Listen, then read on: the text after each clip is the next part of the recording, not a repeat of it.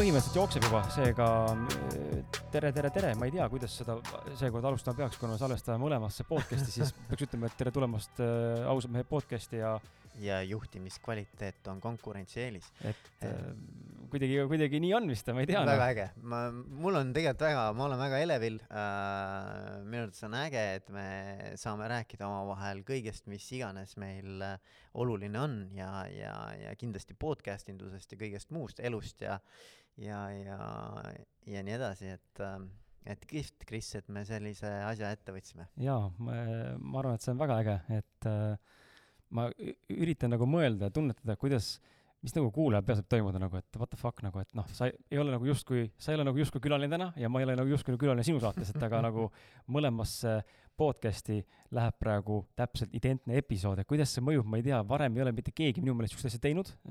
ma, ma ei tea. Ma, ma päris sellist ei ole teinud, aga, aga ma olen teinud seda, et äh, me oleme rääkinud ühe teise podcasteriga no oleme nagu podcast imisest rääkinud, aga siis oli ka niimoodi pigem, et noh, et, et see oli nagu eksklusiivselt ainult nagu noh, sellest podcast imisest, et nüüd ma arvan, me räägime Laiemalt. maailmast äh, mis ma, kuidas, kuidas me siia üldse jõudsime? räägiks äkki sellest niimoodi põgusalt, siis on nagu inimesel võib-olla tekib mingi pilt, et miks me sellise saate üldse tegime, mida see tähendab, et me täna siin salvestame, kas me oleme üks podcast või, või, või, või mis see seljak kokku nagu tähendab siis? Äh, ma arvan, et see, ma ei mäleta, ma võtsin sinuga ühendust, ma võtsin tegelikult väga ammu juba ühendust, ma, ma arvan, et äkki aasta aega tagasi või natuke vähem. Ja, ja siis me rääkisime üldse sellest, et kuidas sul läheb ja mis see mhm. podcast indus äh, sinu elus on ja. ma olin just siis läinud vaata tasuliseks. ja, ja just, just ma küsisin, kuidas sul läheb ja, ja siis jäi sihuke päris äh, suur samm vahele ajaliselt ja siis ma küsisin uuesti, no kuule nüüd, kuidas nüüd läheb ja, ja siis me hakkasime nagu rääkima, et davai, saame kokku ähm, ja, ja, ja kuidagi nagu see esimene kohtumine oli meil äh,, energiad nagu sobisid, kuidagi klikkis ära ja, ja siis mõtlesime, et teeks veel igast asju koos nagu, et mm -hmm. mõtleme, mis me saaks koos teha. et kui see huvi ja selline nii-öelda maailmanägemus on suht sarnane et miks mitte, onju. kui Nikola Tesla ja, ja Einstein saavad kokku laua ääres, siis ilmselgelt seal midagi hakkab sündima, onju. et need mehed laiali niisama ei lähe, vaata et mulle see meeldis väga ja, ja. Ehm, ma mäletan, et äh, kui ma kokku sain sinuga, siis äh, sulle pole öelnud, äh, aga kuna ma olen sihuke aus inimene ja mulle meeldib siin eetris jagada ausaid asju, siis minu esimene mõte oli see, et persse, ma ei tea, et miks ma, mis ma nagu kokku saan, nagu mis, nagu mis ta nagu tahab, oli esimene mõte nagu, mis ta huvitav tahab saada, onju, või mis ta tahab rääkida. et mul ei ole midagi nagu jagada, ma ei oska midagi öelda, võib-olla soovitada, ta teeb ka nii kaua podcast'i kauem kui mina, onju. sama kaua tegutsenud, üks Eesti samuti nagu noh, ütleks, ütleks, et ma julgen arvata, et me oleme mõlemad enda podcast idega ausad mehed podcast ja siis juhtimiskvaliteet on konkurentsieelis podcast'id on Eesti tipp podcast'id, ükskõik kui egoistlikult see ei kõla ka, siis või vastu rinda tagudes onju, et äh, nii on, aga loomulikult ma, ma ei saa öelda, me oleme parimad äh,. seda. mis kes, mõttes, Kris? just onju nagu mis no, mõttes, mis mõttes, vaata see ikkagi näed jälle, see on see, et, et ära tee väiksemaks, mina arvan, et iga episood on mingisugune eriline pärl. absoluutselt. ja, ja okei okay,, mõned tulevad natukene võib-olla kehvemad, mõned paremad aga igaühel on oma unikaalsus mm -hmm. ja mhm. seda mitte kunagi enam järgi ei tee. näiteks kui minule on tulnud keegi podcast'i, siis ma ütlen, et kui me teeksime homme uuesti selle jutuajamise, see oleks hoopis mingi muu jutt mm. -hmm. et see ei pruugi nagu kunagi sarnaselt enam edasi mm -hmm. nii-öelda nagu, kui püüaks replitseerida või no taastoota mm -hmm. seda. ja minu arust on see äge, see on nagu mingisugune nagu, ma ei tea ähm,, näpu ja sõrmejälg, eks ole, seda ei ole võimalik nagu uuesti teha mm -hmm. samamoodi, et igalühel unikaalne. Et mina arvan, et me oleme unikaalsed ja me olemegi just nimelt oma unikaalsuses parimad. Absoluutselt väga, väga ilusti öeldud, väga niimoodi mõnusasti kohe tekitas siukse uu. Aga ma tahtsin seda öelda, mu point oli see, et kui me räägime sellest, et kas see episood on kehvem või parem, onju, või, või minu podcast on parem kui kellegi teise podcast või kas me oleme Eesti parimad või mitte, siis see parima äh, nagu definitsioon annab iga kuulaja tegelikult ise, on ju, et noh, me ei saa nagu raudpolt nael niimoodi öelda, ma võin seda öelda, aga mõni ütleb, et issand jumal, see on kõige kohutavam podcast, ma üldse kuulanud olen, on ju. et siis kõigil on õigus siinkohal, me ei saa öelda, mis on vale või õige, aga tundsin nagu sinuga, kui sa kirjutasid, tekkis see tunne alguses, et nagu mida ma lähen sinna nagu, et noh, nagu kurat küll ma ei tea, noh, et aga siis teine see, et aga kurat, miks mitte. nagu ma ei kohtu üldse teiste podcast'ide inimestega või ei tea neid üldse eriti, ei puutu kokku, nagu ei tunne väga huvi ka, mitte et nagu egoistlikult, et ma ei tunne huvi, ma olen kõva vend, vaid lihtsalt kuidagi elu ei ole kokku viinud ja pole nagu, ajad oma asja seal, nokid seda ikka eestlane, vaata, oma asja teed ja välismaal ei ole, onju. Mhm. ja siis sain kokku sinuga ja siis ma arvan, et üks viisteist, nagu öeldakse, fifteen minutes into the conversation nii-öelda vestluses sisse, onju, siis ma sain aru, et ah sa raisk. okei okay,, nüüd ma saan aru, miks me siin istume, et siin on midagi enamat. no ja siis me jõudsimegi selleni, et et äh, ma mäletan, me jõudsime selleni, mis meid mõlemad naerma ajas, et, et kui ma olin nagu tasuline ja kui inimesed vaatavad seda podcast'i või sisuloomemaailma või üldse nagu sellist, ütleme, coach imist või, või mis iganes sellist vaimset tööd nii-öelda, onju, siis selle eest nagu maksta, vaata, kole jant onju, aga ehitajale kivi raiumise eest või mingi puurimise eest sott tunnis anda on normaalne, onju. et see ühiskond on kuidagi nagu nii nagu veel toores ja lapsekingades, mulle tundub vähemalt selle podcast'i üldse sellise sisuloome või, või ma ei teagi, mis see ühiti, ühinnimetaja siin olema peaks, aga selle osas, et seda nagu tasu mõttes tasustada ja hinnastada on nagu kuidagi nagu patt, et mida fuck'i vend küsis kaksteist euri eh, kuu lõikes, et saaks kuulata kõikide episoode, mida on peaaegu sada tundi, onju, mis tal viga on umbes, onju.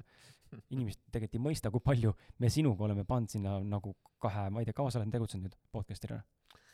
Kaks tuhat kuusteist september alustasin. ehk siis neli aastat on täis juba saanud, noh, mul on kaks pool alles. et me oleme kokku kahe peale kuus pool aastat teinud podcast'i onju ja siis kurat, vabandust, ma halvasti ütlen, aga nihu hea, kui palju tundi see sisse läinud on. ei muidugi. ebareaalne. tegelikult minu käest on isegi küsitud seda, et palju sul äh, reaalselt ühe sellise, noh, keskmiselt, eks ole, ühe episoodi tegemiseks kõik, võtad kõik asjad sisse, eks ole noh, mina arvan, et ikka miinimum pool päeva, võib-olla isegi, võib-olla isegi rohkem. ma olen öelnud, et see on kümme kuni neliteist tundi. aa, isegi terve päev, jaa, jaa, okei okay. mm. -hmm. ma olen kokku, ma, tuli kuskil, ma isegi postitasin kunagi enda Facebooki seinale lihtsalt huvi pärast inimestele, kui ma jõudsin mingi milstonini podcast'iga, ma panin kirja, et kui teid peaks huvi tundma, mida tähendab ühe episoodi salvestamine mm, -hmm. nagu et see ei ole ainult see, ma istun maha ja räägin, vaid sinna eelneb töö ja järgneb töö, onju. siis palun vaadake, mis see list, ma sain vist kakskümmend viis nagu nagu punkti noh, nii-öelda nagu, et vot need on need tegevused mm. -hmm. ja siis ma sain aru, et noh, umbes ümmarguses vaatad, et ahah, see võtab nii palju, nii palju ja mul tuli umbes kümme minimaalset tundi nagu, mis läheb tegelikult sisse ühe episoodi panemisse, see ei ole küll fiks, kuldreegel on ju, mõnikord vähem, mõnikord rohkem, aga üldiselt sihuke kümme, average kaheksa-kümme on nagu selge, selge reegel. noh, terve tööpäev on ju, et ja siis sul ei taheta anda lihtsalt kahteteist eurot on ju no arusaadav. tead, see on, see on üks, ma arvan, et see on, see on huvitav teema tegelikult, ma arvan, see on väga huvitav teema, et äh, et vaata, küsimus on natuke selles ka, et äh, ma arvan, inimesed näevad selles väärtust mm, -hmm. aga seda on harjutud saama tasuta, tasuta. Mm. -hmm. Ja, ja, ja kuna see on harjutud saama tasuta ja tegelikult tuleb ka mujalt igalt poolt äh, noh, iseasi, mis, mis kvaliteediga, eks ole, aga tuleb seda nii-öelda, seda nii-öelda infi ja stuff'i peale eriti nüüd pandeemia ajal ju kõik äh, kõiki on kuradi arvutites kolinud. absoluutselt noh, et, et siis natuke on see niisugune nagu turu lörtsimine või noh, turu selline no see ei ole päris õige asi, sest et, et, et iga asi, mis loob sinu jaoks väärtust, tegelikult äh, peaks olema ka mingisuguse hinnaga mm. -hmm no ta ei pea olema, aga, aga ta tal võiks, on oma hind. tal on oma hind in, olemas. noh, iseasi, kui sa saad tasuta, jah, okei okay,, et mingil teisel moel tuleb see tagasi sulle, ma sellesse usun väga, eks ole. aga ikkagi, küsimus on minu arvates selles, et, et äh, kui mul ei teki üldse seda tunnetki, et ma tahaks nagu selle eest äh, midagi maksta, et siis mulle tundub, et, äh, et selles on mingisugune, seal on midagi, midagi taga, vaata mm. -hmm. ma nägin seda, et rääkides sellest tasulisest podcast'ist, siis ma väga paljud inimesed on mulle kirjutanud tagasisidet ka selle kohta, et äh, kuigi ma jõudsin äh, ma ei mäleta enam, mis, mis nelja-viie kuuga, kui ma seda katsetasin, ma jõudsin siis peaaegu kaheksasaja euroni äh, mustalt sissetulekuni, kuud, mingi seitsekümmend, kaheksakümmend inimest oli umbes. Mm, ja siis, mis paljud on kirjutanud, probleem oli selles, et see oli liiga keeruline, noh, ta oligi välismaa panka manuaalne pangaülekanne, noh, väga, väga ja, jube, jube porno onju, aga, aga ma ei tahtnud minna nagu läbi ettevõtte põhiselt, ma tahtsin lihtsalt, et oleks mustalt, et äh, on see õige vale, ma ei tea, see on minu otsus onju ja minu pärast pange mind vangi või ma ei tea, aga aga ma lihtsalt tahtsin sellisel viisil teha seda ja see oligi keerulisem protsess, noh, ma oleks võinud panna sinna need kaardimakse võimalused juurde, oleks kindlasti lihtsam olnud, pumm-pumm-pumm ja sul on maks tehtud onju, loomulikult oleks kindlasti tulnud rohkem aga ma ei olnud valmis ise selleks, et niisugust asja nagu vastu võtta veel või nagu sellise, selline taseme nagu minna. aga, aga teisalt, äh, mis tuleb, tuleme tagasi selle, tulen tagasi selle juurde, selle juurde, et sisu on äh, igalt poolt tuleb peale, et inimesed tahavad, on harjunud saama tasuta informatsiooni, siis äh, täiesti arusaadav, no kui me siin räägime maailma nimedest siin, ma ei tea, Grant Cardone või mingi Gary Vaynerchuk või kes iganes siin mingis valdkonnas oma ala tipud välismaal on, kellel on siin miljoneid, miljoneid jälgijaid, siis no ma ei saa ennast võrrelda nende inimestega täna veel, noh, ma võin, aga nagu aga oleme nemad annavad ka tasuta seda annavad sama stuff'i, eks just ole. ja miks, miks siis, miks siis peaks just nagu nimelt, minema see kuulama Veiko või on, eks Veiko kuulama, et onju, noh, aga mida kuradit mida, mida värki, eks ole. no ja, ja, ja ma saan sellest väga hästi aru, et see tegelikult on mingis mõttes niisugune noh, nii-öelda nagu persoonibrändi loomine, see on, see on, see on tegelikult kaudne nii-öelda enda turundamine oma teiste teenuste mm. -hmm. mis iganes need teenused on, eks ole, noh, minu puhul coaching, koolitused, ma ei tea, Kris, sina teed ka mingeid asju, on ju, et ma ei tea, noh, raamatuid müüd, eks, noh, et et selles mõttes see on, loomulikult ongi kaudne turundus äh,, väga kaudne, aga sellel on veel minu arvates ka endal väärtus, vaata mm, -hmm. see, see ei ole niimoodi lihtsalt, et et kuule, et ma teen mingisugust stuff'i siin, mis on nii-öelda nagu ilma igasuguse sellise em, noh, väärtuse lõhnata mm. -hmm. ta, tal on minu arvates omaette ka väärtus. absoluutselt, ja ma arvan, et ka kuulaja jaoks, kuulaja, ma arvan, ei kuula meie podcast'i või üldse podcast'i sellepärast, et ta mõtleb, et oh, ma kuulan nüüd Alar Ojastuga episoodi, et lõpus Veiko saaks mulle midagi müüa. vaid ta kuulab sellepärast, et seal on midagi head, mida ta võib kuulata Alari suust või teie omavahel vestlusest. et loomulikult ma arvan, see väärtus on siin juures ja, ja aga see paneb nagu, see paneb ka naerma ja panebki nagu mõtlema, et et see hea võrdlus just Eesti maastikul võib-olla tuua, võib-olla see Gary Vaynerchuk on nagu vale näide, aga Eesti maastikul, et kui on ma ei tea, sinu saates käis Peep Vain, oletame, onju, minu saates käis Peep Vain äh, ja nüüd käis kellegi saates veel Peep Vain, siis mille kuradi poolest see Kris Kala Peep Vaini vestlus nii väga erineb, et ta küsib raha selle eest? mina tean, mis seal erineb. ma tean, mis seal on. ma oskan väga hästi küsida küsimusi, mismoodi inimesed avavad ennast, onju. ma ei tea, kui paljud on äh, kui paljud on äh, Eesti podcasteristest või, või ajakirjanikest saanud Eke Lainsalu suust teada, et Eket äh, väiksena peksti kaabliga. ema hoidis kinni, isa peksis kaabliga. noh, inimesed ei ava ennast selliste teemadega üheski teises saates. see on see, mida ma oskan teha ja mida ma julgen inimestelt küsida. mitte alati, aga väga suures mahus. aga seda nüüd müüa, vaata selliselt, et, et vaata nii on, vaata nii on, mul on eksklusiivselt midagi teistsugust, mida sa mujal ei kuule, see üks lause võib-olla, mis nagu annab selle püändi, vaata, et oss, vot, perses oli kõva saade raisk. siis seda on raske müüa. inimesed ikka tahavad saada kohe laksu kätte, vaata, Peep Vain käis seal, Peep Vain käis seal, aga ma ju tean, mis Peep Vain on, kakskümmend aastat tegutsen, mis ma sealt ikka kuulan, mis nii erilist on?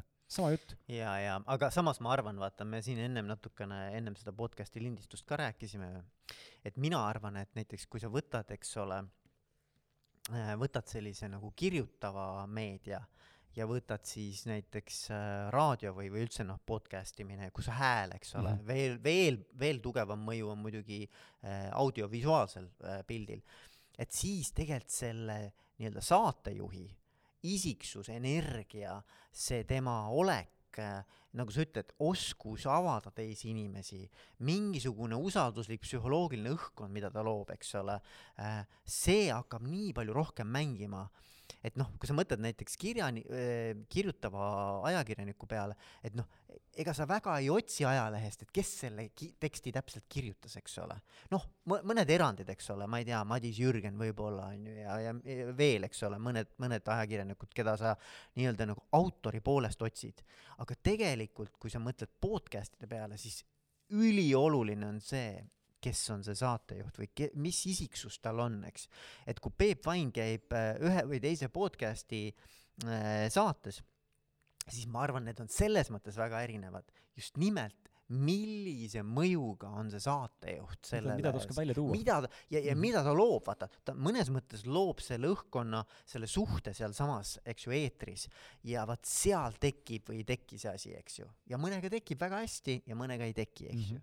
ma arvan, et kui nii mõnigi noh, kas või see Peep Vain, eks ole, onju, või, või kes iganes siin Eestis, Alar Ojastu või veel tuntud inimesed, mingi Urmas Sõõrumaa või noh, tegelikult kes vahet ei ole, kes natukenegi kuskil pildis on, kui ta teeks enda podcast'i, garanteerin, et inimesed kuulaks seda.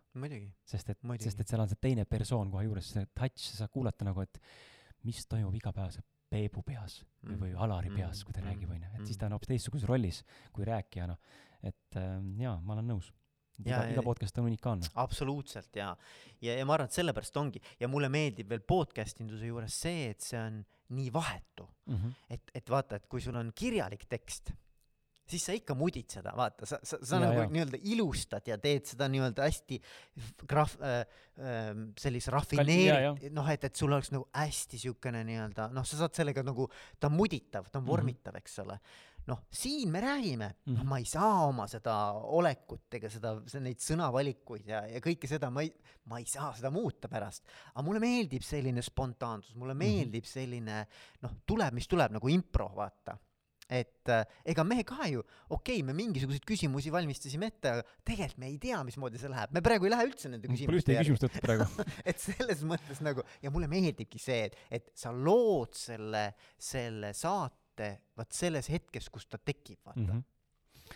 see ongi, see ongi nagu selles mõttes mm, huvitav nagu, sest et äh, me või-, me saame tegelikult teadlikult kontrollida, mida me ütleme, kuidas me ütleme, mismoodi me ütleme, aga just nimelt nagu ütlesid ka, et lõpus enam tagantjärgi sa noh, kodus arvutis nagu enda helifaili sõnu muutma ei hakka, onju, ma nüüd, oi, see sõna ei sobi, ma võtan maha. no sa võid teha seda, okei okay,, seda saab teha, aga no siis on see jutt väga nagu katkendav, siuke nagu äh,. muide, muide, Kris, mul, mul on, mul on olnud üks, üks inimene, kes on saates käinud, kellelt ma sain A4 äh, sekundi pealt, et ole hea, kas sa saaksid need sõnad vä- välja võtta ma olen saanud ühe siukse tagasiside ja, ja ma, ma üldse ei ütle pahaga seda, lihtsalt vaata inimene on nii šokeeritud, kui ta kuulab ennast Mhm. kõrvalt. need parasiitsõnad ja nii, jaa just, kas ma nii räägingi, issand jumal, onju. Et ja siis ta ütleb, et palun võta need sõnad välja, eks ju, noh, hästi nii-öelda nagu Lihtne palve. siiralt, siiralt, eks ole. ja siis ma nagu mõtlen omaette, et kuidas ma nüüd seda, kuidas ma nüüd seda tegema hakkan, et see ei ole kuulatav pärast enam, eks ole. et noh, tegelikult siis, eks ma ütlesingi, et, et, et see lihtsalt noh, tegelikult sa räägidki iga päev niimoodi, tegelikult sa oledki selline tegelikult sa sakidki. ei, mitte ei saki, ei sa ei saki, aga selles mõttes nagu me, me täpselt sellised olemegi, me lihtsalt ei absoluutselt. kuule ennast kõrvalt, me ei teadvusta, kuidas me räägime. selle, ma ei, mul ei ole keegi niimoodi õnneks A4 ette, ette kandnud, aga ma vist olen ka mõnda üksikuid äh, kohti nüüd välja lõiganud ja tegelikult see ongi, sa ütlesid väga õige asja, et see ei ole pärast enam kuulatav, sest et kui sa hakid mingi pointi nagu ära inimese mõttest ja mingi mõttetulva lõikad tükkideks, siis noh, sealt, sealt, sealt kaob see kontseptsioon nagu ära, mida ma näen ka tegelikult praegu ähm, selle raamatu puhul, mis välja tuli ausalt meeste raamatul, et äh, seal on ka nagu kirjalikud kokkuvõtted podcast'ist, mis on nagu kompaktsemaks surutud, sest et kõik ei mahtunud raamatusse mm, Mhm. -hmm. ühe inimese kohta seda lihtsalt liiga palju, mõni, mõni lihtsalt, no tõesti, mõnel oli väga palju häid mõtteid ja mõnel nagu vähem, onju, minu perspektiivist, mina tegin selle valiku. Ja siis sa näed nagu, et sa pead natuke nagu keeleliselt hakkama korrektuure tegema, et see oleks nagu kirjaliselt äh, loetavam, kui verbaalselt kuulata, aga sellega sa hakkad juba natuke ära kaotama seda, et inimene loeb ja tal võib tekkida tunne, et oot, aga nii lambist on nagu teema switch või, saate sellise loomulik, kirjapildis nagu mõtled, et nagu oot-oot-oot-oot, mis, alles lugesin siin Telegramis mingit teletupsude juttu, et nagu mida kurat, kus, kus see, kus see juhtus, aga vahel võib-olla mingi neli minti puudu, vaata. kus ei olnud nagu mingit siukest Mm. nagu mingeid Mm. eriti häid nagu Mm. selliseid nagu kuldseid sõnu, onju. et see ongi see asja, asjajuures on see nagu see pool halb ja teistpidi, olgem ausad, no ma ei taha üldse kedagi solvata, aga kui sa palud hea kuulaja ja, ja tuleviku tule, tulevane külaline, kui sa palud podcasteril sellist asja teha, siis nagu persse maksa ka raisk, sest et see on eba, ebareaalne töö, mis tegelikult tuleks teha selleks, et asja niimoodi kokku monteerida, see- on ebareaalne aja, ajakulu lihtsalt. ei, minu jaoks oli see pigem nagu järjekordne näide sellest, et äh, inimesed ei teadvusta, mismoodi nad tegelikult mõjuvad mm. -hmm. kuidas nad üldse käituvad. me ei oska ennast kõrvalt vaadata ja minu arvates sul on üks, üks väga äge formaat, mida sa oled teinud siin mõni, mõne inimesega, eks ole äh,, kus sa tegelikult annad inimesele võimaluse just nimelt nagu kuulata ennast kõrvalt, vaadata, mismoodi mm -hmm. sa tegelikult räägid, kuidas, sul on ju, eks ju, podcast, et, et selles mõttes ma arvan, et et kui mõelda, et mida saavad näiteks need külalised sellest podcast'ist saamisest äh,, käimisest, siis minule on öeldud, sa võid rääkida, mis sinu Mhm. külalised on rääkinud, minu külalised on rääkinud, et, et tegelikult see, kui ma pean midagi välja rääkima, mis ei ole minu jaoks uus, eks ju mm. -hmm. see on minu sees kõik olemas aga ma ei ole pidanud seda sõnadesse panema või ma ei ole pidanud seda kuidagi niimoodi struktureeritult, kristalliseeritult nagu lauale panema või nii-öelda Arusaadavalt arusaadavalt, selgelt, lihtsalt välja ütlema, kuidagi süstemaatiliselt rääkima, siis nende jaoks on see natukene nagu selline noh, nii-öelda nagu selguse loomise hetk enda jaoks ka. oo, okei okay,, näed, et, et noh, niimoodi nagu ma seda nagu paketeerin, eks ole. Et see on äh, ka ikkagi mingis mõttes selline nagu äh, teadlikkuse tõstmise sessioon nende jaoks mm. -hmm. eriti kui nad pärast kuulavad, mina näiteks saadan kõigile kuulata mm. -hmm. sessiooni pärast, ennem kui ma avaldan, eks ju. ja nad on nagu väga tänulikud selle üle, et, et noh, et kui mõelda, et okei okay,, et miks ma peaksin tulema, siis üks põhjus kasvõi on näiteks see, aitan sul oma küsimustega sinu sisemaailma korrastada. mm. -hmm. absoluutselt, ma olen täiesti nõus, et see, ma olen seda praktikat, noh, see on nagu minu see nii-öelda coach imise viis, ma ei ole coach, aga minu nii-öelda jutumärkides coach imise viis on siis see teadliku vaatleja praktika, kus siis istun kellegiga, kes siis maksab selle eest, istun maha ja salvestame tund aega või natuke rohkem temale sobival teemal, mina küsin küsimusi, olen nagu vest-, nagu, nagu täna noh, nii-öelda, sa oleks justkui nagu mulle maksnud, onju. et fookus, fookus, noh, nagu oleks justkui maksnud, täna, täna sa ei maksnud selles mõttes, aga kõlas niimoodi, onju, aga ei. ma mõtlesin, kui Veiko oleks olnud nagu selles inimese rollis, kes võtab mul selle teenuse. jaa, jaa. Et siis äh, mina suunan rohkem küsimustega, räägin kaasa, aga suurem fookus on nagu temal. ja, ja siis äh, seal ma näen, ma alati rõhun ja näen ka, mida podcast minuga on teinud, mida on teinud ka selle endise kaassaatejuhi Martin Pukspuu, kes meil oli, kes mul praegu on, on Liisel Omp. temaga on samamoodi teinud see podcast tööd just sellel tasandil, et see enese eh, väljendusoskus saab nagu meeletu kiki, nagu selles mõttes, sõna, sõna otseses mõttes jalaga saad lihtsalt perse nii-öelda, nagu eneseväljendus saab jalaga tagumikku. Sul sõnavara nii palju muutub paremaks, sa õpid ennast palju paremini mõttetasandil analüüsima, enne kui sa midagi välja ütled. ja lõpuks see muutub nagu ka mingil määral nagu selles mõttes hästi sujuvaks niimoodi, et sa ei mõtlegi enam, vaid sul tulevadki selles mõttes loogiliselt üles ehitatud, läbimõeldud laused. Ja siis sa kuuled ja mõtled, et issand jumal, ta ikka räägib nii hästi, mina küll ei oska, aga aga võib-olla esimesed saated puterdasin, aga võib-olla oli sul ja mul, Veiko, loomulik anne teha seda asja selliselt, nagu me täna teeme, onju. aga see ei tähenda, et me ei saaks ka paraneda siin või nagu parendada ennast, onju, arendada. et igal juhul see podcast imine on, mina võtan seda kui isiklikult ka, kui, kui teraapia versiooni või nagu praktilist tööriista, kui muidu kirjutad päevikusse näiteks mingeid enda mõtteid, siis siis mul on need, mul enda ausad meeste podcast'i all on algusest peale olnud koos ka saate, kaassaatejuhiga ka, on on lisa, ilma külalisteta on siis nagu duosaated, kus me räägime saatejuhiga, lihtsalt vestleme mingid teemadel ja siis on ka monosaated, kus emb-kumb saatejuht lihtsalt pagu-, paugutab viisteist, kakskümmend minti või isegi tund. ja ma olen ka tundi üksi rääkinud, mis on teinekord väga imelik, see mikrisse rääkida tund, sa oled ka vist nüüd hakanud nüüd väga rohkem tegema neid. aga see on endale nagu, nagu läbielamis mingisugune teraapia, et sa räägid mingist kogemusest ja siis sa kinnistad seda nagu päevikusse, aga nüüd sa teed seda verbaalselt, inimesed kuulevad ja tegelikult pärast kirjutavad sulle, et issand jumal, kui hea oli kuulata, täiega samastusin. ehk siis tegelikult võt-, ma soovitan nagu võtta seda salvestamist nii videos kui helis äh, kaameraga või siis nagu mikriga ka kui nagu mingisuguse enesearendusliku tööriista või nagu vahendina. see on, see on selgelt tööriist, et näiteks, et äh, ma olen, eks ole, koolitaja ka ja, ja olen igasugustel konverentsidel äh,, seminaridel esinenud, eks. ja kui mul on mõni selline vähe niisugune tõsisem ettevõtmine ja mingi uus teema näiteks, eks ole eh,, siis ma teen tavaliselt eh, sellist asja, et ma reaalselt peegli ees, mikrofon käes, räägin, mitte küll võib-olla kogu seda lugu, aga mingid osad sellest mm -hmm. loost reaalselt läbi, nii nagu ma oleksin laval, ma kujutan isegi ette, et ma olen laval ja ma salvestan selle ja pärast kuulan ja tegelikult see annab tohutult nagu mulle võimaluse vaadata, et oota, vot seal oli mul see jutt, see, see sõna, see lause, oo, see haagiks hästi sellega, ehk ma parandan ennast läbi selle, et ma saan nagu sellest salvestusest tagasisidet, muidu ma ei oska ennast nagu kõrvalt, noh, selles hetkes sa ikkagi oled keskendunud sellele, mida sa ütled aga siis sa nagu näed ennast nagu kolmanda persoonina, kui sa seda salvestust kuulad, onju. ja just, et sa nagu kujutad ennast ette sinna lavale, vaata, et see on ka nagu mul isegi niimoodi, et kui, kui mul on esinemine mingis kohas, kus ma ei ole varem kunagi käinud mm, -hmm. Siis ma püüan seal ennem ära käia mm. -hmm et ma saan mingi lavatunnetuse vaata, et mis koht see on selline, et ma saan vaimusilmas minna sinna ja see läbi teha ja mind kuidagi väga aitab, sest et noh, tead, inimestel on ju teadaolevalt äh, avalik esinemine on üks suurimaid hirme, eks ju mm. -hmm. ma ei tea, kas kõige suurem, aga ikka kindlasti üks hirmudest, üks suurtest suurtest hirmudest. minul samamoodi. Ma pean ausalt ütlema, ma olen pigem, ma ei tea, Kris, kas sa kujutad ette või ei kujuta, aga ma olen pigem introvert. mulle tegelikult meeldib rahulikult, ma ei tea, laupäev, pühapäev õhtuti kerra tõmmata, rahulikult diivani peal olla, üksi olla või noh, ma ei tea, kas üksi, aga vähemalt nagu omaette, eks ole et see on minu väga niisugune mõnus äh, režiim, kus ma taastun.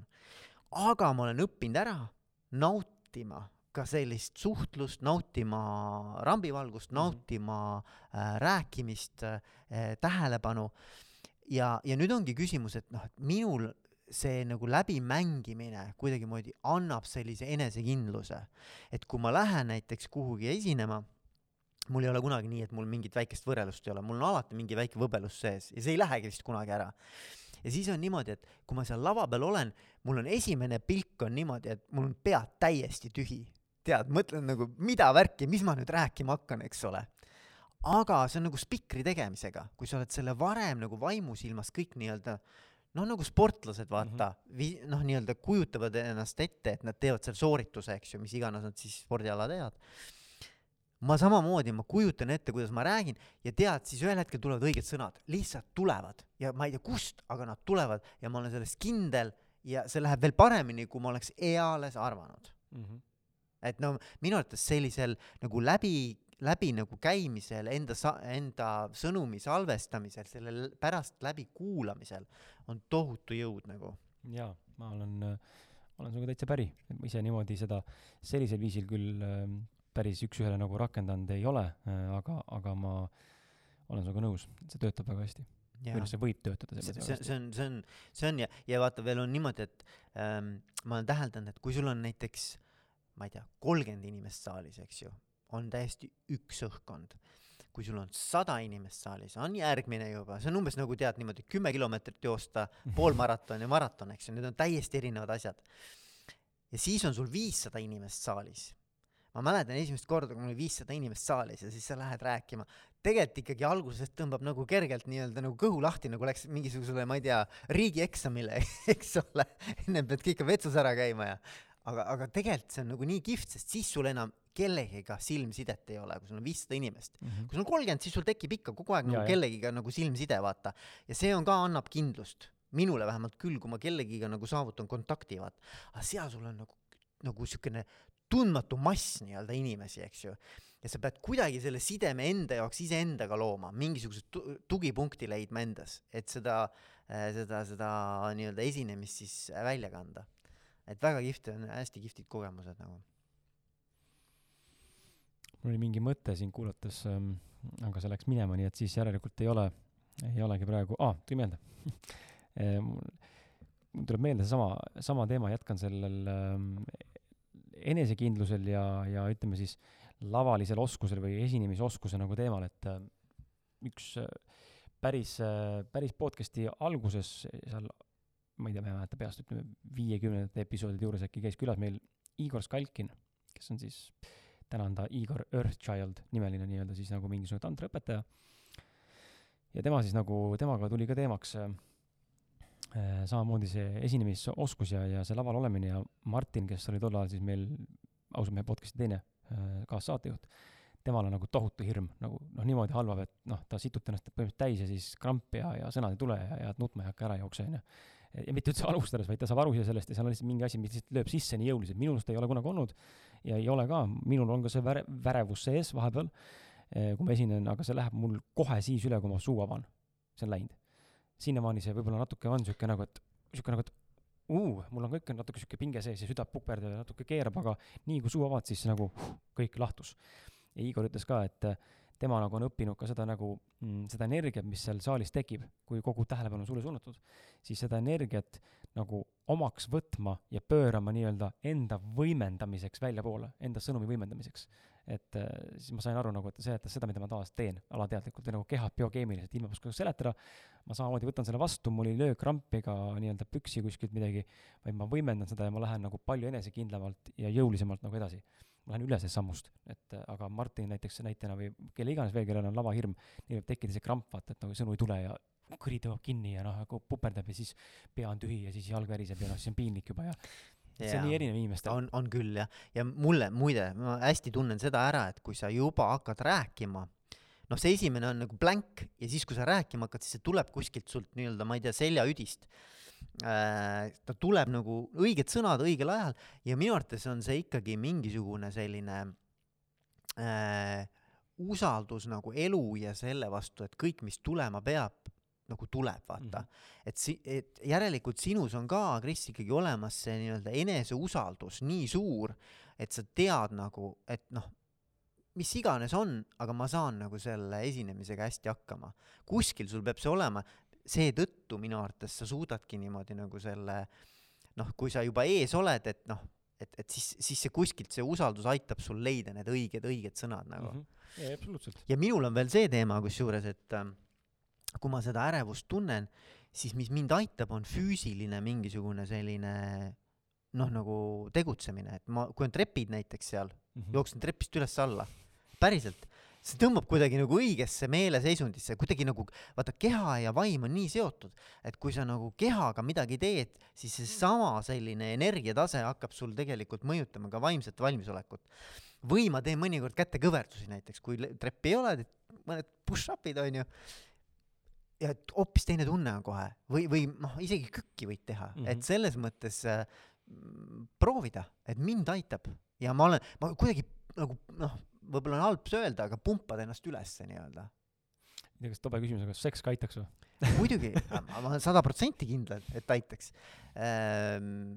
absoluutselt. isegi kus kohas ja kellega onju. jah, jah, aga ma, ja ei, ma olen nõus, ma arvan, et aitab kindlasti jah, ma ei ole küll proovinud, aga aga, aga, aga ma usun, et aitab, ma usun, et aitab ei, väga huvitav jah ehm, tegelikult tahaks ehm, suunata tagasi küsimusega selle juurde ja sinna teemale, et miks me ikkagi siis siin laua taga istume? kust tuli meil see otsus, et ähm, okei okay,, me salvestame täna episoodi, mis selle eesmärk on ja ja miks me hakkame nagu või mis me, mis me nagu koos teha tahame, et äh, meil oli selline äh, nagu öeldakse, julge hundi rind on haavleid täis või on rasvane, kuidas kellelegi, minu oma on haavleid täis, aga et äh, tekkis sihuke väga tugev äratundmine ja, ja iseendale õlale patsutamine, et persse, me oleme kõvad vennad tegelikult koos mm. -hmm. eraldi asjatame siin onju, toimetame, sina kolm, neli aastat, mina kaks pool onju, kuulamisi on mõlemal põhimõtteliselt üle kolmesaja tuhande onju, kokku peaaegu üle poole, noh, kokku ongi üle poole miljoni onju.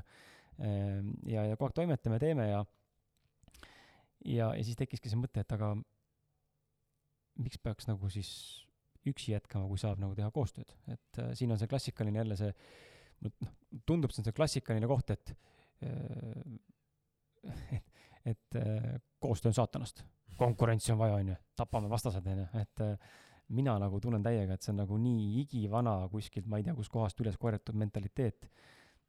ma täna pigem nagu hea meelega mm, jagan kõiki enda mõtteid ja plaane ükskõik kellega. jah, ma mõistan, seal on see oht, mulle meeldis, kuidas Kaido Pajumaa, meil oli alles webinari sari, ausalt mehes podcast'il, Kaido rääkis väga ilusti sama, samat teemat praegu tuleb meelde, ütles, tõi nagu näite, et tema koolitajana on ka pigem see, kes usaldab neid vaimseid paradigmasid rohkem kui seda ratsionalismi. et ratsionaalselt mõne jutu väljaütlemine teisele koolitajale, enda saladuste väljarääkimine on nagu ohtlik, on ju, sa saad aru tegelikult, et see on nagu ohtlik, võib-olla vend teeb ära sulle, on ju, või midagi muud. aga ta on lihtsalt nii suur usaldus, et seda ei kuritarvitata ja ta toetab sellele teistsuguse maailma paradigmale. ja mul on nagu sama tunne, et kui ma midagi kellelegi ütlen või tahan midagi teha, räägin ideedest, jagan ideid, siis mul ei ole kordagi enam viimaste aastate jooksul, vanasti oli rohkem seda, enam ei ole üldse, seda, seda tunnet, et appi, äkki keegi teeb ära ja teine asi on see, vaata, isegi kui teeb, keegi ei suuda sind replitseerida. sada protsenti mitte. nagu Kris Kalat ei suuda keegi teha. et, et, et noh, et selles mõttes, et jah, keegi võib podcast'i teha, jah, keegi võib mingisuguse formaadi üle võtta, jah, keegi võib mingit, ma ei tea, kasutada sinu mingit välja töötatud või ideena välja käidud mingisugust uut äh, äriideed, eks. okei okay., aga sind ei suuda keegi mm. jäljendada, mis tähendab seda, et sa jääd alati tegelikult unikaalseks ja see on minu arvates see, mis, mis ongi nagu asja võlu, et, et ega meil ei ole võimalik nagu võimu saada ideede üle. info on ka võimuallikas tegelikult, aga ma arvan, väga nõrk mm. -hmm. et kui sa tahad nagu infot kinni hoida, ma arvan, palju tugevam konkurentsieelis on see, kui, kui äh, iseenda isiksust kasutada iseenda olemust, energiat, seda ei saa keegi ära võtta. pluss ka puhtalt informatiivsest nagu vaatepunktist lähtuvalt, et kui mina täna sulle, hea kuulaja, selitan lahti tänase teadlikkuse juures täismahus enda mingi idee täiesti detailideni välja, põhimõtteliselt sul on kõik nüüd olemas, siis see ei tähenda ikka, et sul on tegelikult sada protsenti sama asi peas või arusaamises, sa võid hoopis teistmoodi aru saada asjast, sõnadest saad täiesti valesti ja, aru. ja kuule, kui palju on neid asju olnud, noh, minul elus on küll olnud niisuguseid asju, et ma näen et keegi on mingi asja valmis teinud ja mul on olnud see idee ennem -hmm. endal. ma arvan, kõigil on vist. E, on ju, ja siis tegelikult, mis eristab, on, kas sa teed selle asja ära või ei tee mm. -hmm. ideid võib olla meil miljoneid mm. -hmm. väärtust sekib ideest alles siis, kui see päriselt ellu kutsuda mm. -hmm. ehk et sa võid rääkida selle idee ära, mitte keegi ei pruugi seda ellu viia mm. -hmm nii et see on äh, sulle, hea kuulaja, ka siin see, selle maha, maha, maha rahustamiseks see koht, et kui on, kui sa kardad, et keegi su idee ära võtab, mu enda elukaaslane näiteks, noh, mul ei ole nagu seda raske või kuidagi paha öelda, et me mõlemad oleme teadlikud sellest ja, ja ta on ka sellest varem ise rääkinud ka mulle ja temal on näiteks see hirm, et ta ei julge midagi välja panna, tohutult andekas aiakujundaja ja, ja teeb käsitööd täna villatooted ja mingeid asju ja õmbleb, mitte õmbleb, vaid koob ja noh, ma ei tea, mis need tehnikad õige nimetused, nimetused on, see on mingi makromeedia, ühesõnaga naised võib-olla teavad, ma ei tea. see on uus, uus trend täna turul on ju, et ähm, ta on nagu meeletu, meeletu mingi potentsiaal ja ta lihtsalt, lihtsalt tohutult kardab välja panna, sest et äkki mm. keegi võtab ta idee ära. aga mm, mina nagu ise näen ka, et äh, lõpuni välja ei saa su ideed mitte keegi ära võtta, see unikaalsus jääb alati sinule endale ja, ja just nimelt nagu Veiko ütles ka, siis see execution ehk siis see tegemise pool tegelikult on see, mille taha tegelikult enamik ideed jäävad. mitte, et ma siinkohal kedagi halvustada tahaksin või näitaksin sulle näpuga eh,, mida ma teen, nali eh,, tegelikult ei taha näpu näidata, hea kuulaja, aga väga paljude ideede taga tegelikult puudub kahjuks eh, või õnneks sinu fucking teostus. ja, ja mul endal samamoodi, lihtsalt on raske. mingid asjad, mis ei tule lihtsalt, sa tahad teha, idee on super, aga sa kas ei oska, pole õige aeg või lihtsalt kuidagi ma ei tea, ei viitsi või noh, ma ei tea, mis iganes veel, et neid vabandusi on palju, aga teinekord jääbki lihtsalt puhtalt tegevuse taha asi. hea näide on see, et Kris, mis sa arvad, mis, mis äh, valdkonna raamatuid kõige rohkem äh, müüdud on? see kõlab nagu trikiga küsimus. ei ole trikiga küsimus. ma ei tea, mul lihtsalt tahab tulla eneseabi no hästi-hästi laialt võib-olla isegi kuulub sinna alla, aga toitumisalased. okei okay,, toitumine. dieet. nii, kui neid on müüdud kõige rohkem, miks siis ülekaalulisust nii palju on mm? -hmm. sest inimesed ei, ei follow through. ma, ma ostan selle raamatu, aga ma tegelikult ju tean, mida ma tegema pean. see ei ole mingisugune rocket science mm. -hmm. okei okay,, niti-gritty mingisuguseid spetsiifilisi detaile võib-olla saab nagu, eks ju, täpsustada, aga hakka lihtsalt nagu tervislikult toituma. aga tavateadmine ei ole tavapraktika mm. -hmm. inimestel on nii raske seda teha. Nad ei tee lihtsalt. ja nüüd on küsimus, ega see raamat sind ei aita mm. -hmm ega see programm sind ei aita. Ei aita, no okei okay,, kui sa, no ei, ma päris nii, ma ei julge päris no sõltub no, inimesest võib-olla sõltub inimesest, aga tegelikult enamus raamatuid on ju nii, see on ka muidugi fakt, enamus raamatuid äh, isegi ei avata, mida, mida äh, ostetakse. enamus raamatud jäävad sul riiulile.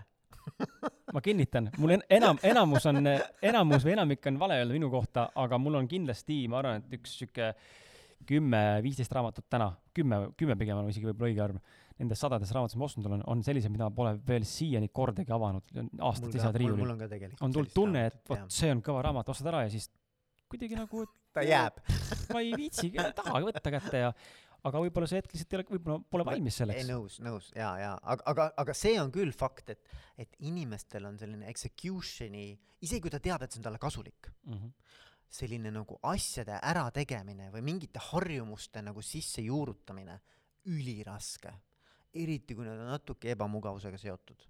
muidugi, mul endal, ma toon siia kohe nagu näite juurde, minul endal väga suur pahe, jälle taaskord tean seda eh, ja sellesse lõksu peaaegu et mingi aja tagant jälle kogu aeg astun, magusad karastusjoogid.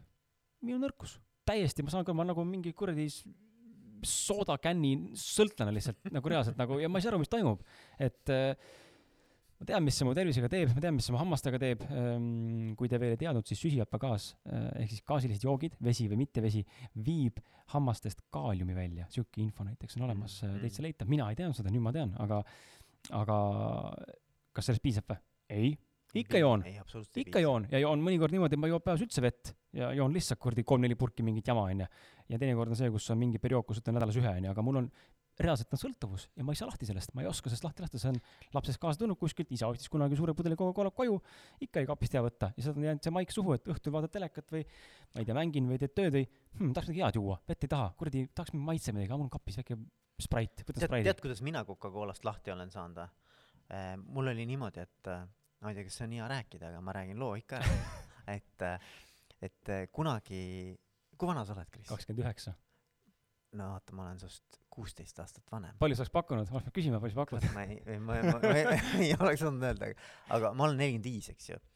ja noh, sina ei tea, aga oli, kui mina olin keskkoolis e,, siis võis olla siis üheksakümnendate algus, oli selline asi nagu Royal piiritus, liitrised Royal piirituse pudelid olid. Ungarist toodi, kõva, kõva, üheksakümmend kuus kraadi, liitrised ja tead, mis me tegime, me tegime klassikaaslastega seda, kuttidega tegime seda, et me panime Coca-Colaga pooleks ähm, äh, piiritust ja jõime seda ja eesmärgil siis nagu purju jääda või? ikka, ikka. päris hull. no ongi hull väga hull ja siis, ja siis, mis juhtus, oli see, et noh, mul oli järgmine päev, noh, see Coca-Cola, sa kujuta ette, noh, mis reaktsiooni see kehaliselt tekitab, kui sul on selline pohmell, eks ole sa ei taha seda Coca-Colat üldse enam nagu, sest ta tekitab kohe sedasama nii-öelda seda reaktsiooni sinus, eks. nii et noh, siin väikene õpetus, kuidas kuidas sellest lahti saada. jooge piiritust jooge piiritust koos Coca-Colaga. Väga, väga kardinaalne soovitus. ei, aga see on päris lugu ja, ja tegelikult äh, jah, see on huvitav jah, mulle, mul nagu selles mõttes, ei ma aeg-ajalt ikka võtan, aga, aga väga vähe. mis sul sellised äh, on mingeid siukseid nagu asju, mis sa tunned, et kurat, vot see on vist ikkagi tegelikult nagu päriselt mingis mahus nagu sõltuvus või nagu mingi pahe pool, mida tahaks nagu lahti endast lasta või muuta, aga vot ei suuda? mulle ikkagi on see teema, et ma jään aeg-ajalt mingisuguseid äh, mõttetuid Youtube'i videosi vaatama, vaata. Seda juhtub kõigi, ma arvan. ma arvan, et see on see ja siis ma mõtlen nagu ühel hetkel avastad nagu, et pekki küll. viis tundi möödas. mingi, mingi täiesti mõttetu aja raiskamine tegelikult. okei okay,, seal on mingi kikk ma saan mingisuguse, ma tean, et ma saan mingisuguse sellise noh, ega psühholoogid räägivad ka, et see on see endorfiinilaks, eks ole mm, -hmm. ilmselt, mis sa sealt saad, eks. noh, näiteks vaatad mingeid autoavariisid, onju. ma ei tea, miks, miks mul mingid crazy'd asjad on, mis mulle meeldivad nagu. Ja see annab mulle mingi kiki, noh, ta, ta on nagu, ta tekitab mingit äre-, noh, sellist nagu heas mõttes nagu siukest mm -hmm. ärevat seisundit, eks ole, sa oled nagu kogu aeg natuke adrenaliinilaksu all. ekstaas on kogu aeg põhjas. ja, ja, ja mul on vaja seda, vaata aga siis ühel hetkel avastad, et pekki, mida ma teen, ma, ma oleks võinud nagu palju kasulikumalt seda aega mm -hmm. nagu kasutada. Aga see on äh, näiteks üks asi, jah. ja tõsiasi on see, et seda aega tagasi kerida ei saa. ei saa, ei saa, ei saa. aga no niimoodi mõtleme, et siis, kui sa sellise suhtumisega igapäevaselt elad, siis ma ei tea, mulle tundub, et see nagu võid täitsa hulluks ära, katus hakkab sõitma. absoluutselt, absoluutselt. käisin, olin kaks minti kauem potil, oi perse, nüüd on pekkis onju, et aga noh, ma selle video osas, ma arvan, et siin meie kõik kuulajad äh, naeravad, muigavad kaasa, et ma arvan, et me kõik äh, oleme sellesse sattunud, sõltub, mis videosi sa vaatama jääd ja meie vaatame tantsivaid kasse ja koeri onju ja. ei, seda ma ei ole ei, ma ütlen, mulle meeldivad sellised nagu, no natukene nagu, mis, mis on sellised nagu wild, natuke mm -hmm. nagu metsik, vaata äh, midagi, mis tehakse, mis on nagu natuke ääre, noh, niisugused nagu edgy, vaata mm. -hmm. et nad tekitavad sellist nagu pool hirmu, pool äh, sellist nagu excitement'i, noh, a la näiteks mulle meeldib see ka, kui ikkagi ma ei tea, mingid looduskaadrid äh,, kus noh, ma ei tea, metsloomad omavahel nagu mm -hmm. lähevad kaklema või tead, selles on mingisugune selline toor, toores. adrakapauk. ja, ja mm, -hmm. ja mulle vot, või, või näiteks keegi handle ib äh, mürgiseid madusid mm. -hmm ma ei tea, mis see on, noh. aga, aga selles on mingi litakas, mis, millest ma, mis ma saan sealt. see on väga huvitav, ma saan tuua võrdlust, mida mina tavaliselt vaatan, kui ma satun vaatama ja kuulaja saab ise mõelda, mida sina vaatad, et ma arvan, et need videod on nagu täiesti erinevad, sellepärast saabki öelda, et igale vaatajale on olemas sisu, on ju, ja, ja igale vaatajale või igale sisule on vaataja. et kui mul, mina saan selle adrakapaugu siis kätte, kui ma vaatan äh, kuidas inimesed reageerivad õudukate videodele. Nagu need real life ghosts, vaata mingi siuke pask, mingid Youtuberid, kes on tegelikult, tegelikult teevad mingit nagu muusika review sid tavaliselt, aga nüüd kuidagi poppa ma näen praegu või mulle võib-olla siis soovitatakse algoritmi põhiselt, aga ma näen, et iga mingi Youtuber, kes tegelikult on mingi review vend, kas ta on mängur või muusik, nüüd järsku on hakanud võtma kõrvale õudukate videode vaatamist. ta on nii põnev vaadata, kuidas nad reageerivad. ja siis kes seal kaamera ees niimoodi nagu läbi näppude vaatad, et oi shit raisk, jube õudne, aga see oli päris ei olnud, fuck, ma ei tea, nii hirmus ikka ja mul paneb täiega süda puperdama, vastik on isegi veits pärast mm. -hmm. üks öö ja siis järgmine öö mul on lihtsalt õudukad onju, näedki, kuidas mingi vaimud ajavad taga ja siis mõtled nagu, miks ma tegin endaga seda. aga mulle, sorry, jah. aga, aga muidu üld, üldiselt, mis videosid ma vaatan, mul on mingi loll kiiks. mul on loll kiiks ja ma tahaks lahti saada, sest ma pean, ma, kui ma söön ma tahan, et mul oleks Youtube lahti saad aru, see on ja, nii haige kombo, et sa enam ja. ei kontrolli, mida sa sööd, sa ahmid nagu eh, labrador või nagu kaev, sa isegi enam ei mälu, vaid lihtsalt nagu lusikaga suhu ja sa vaatad seda televiisorit või telekat onju, arvutit onju. ja ma vaatan alati kas HD eh, videotreilereid, neid movie treilereid, mis tulevad välja varsti onju, või mängude uusi treilereid või gameplay'sid, ma olen nagu segane täiesti. siis ma saan elukaaslane kõrval jälle, et sa söö-, sa ei või nagu süüa normaalselt, ilma sa vaatad, no ma ei ma ei saa, ma pean lihtsalt nii väga vaatama.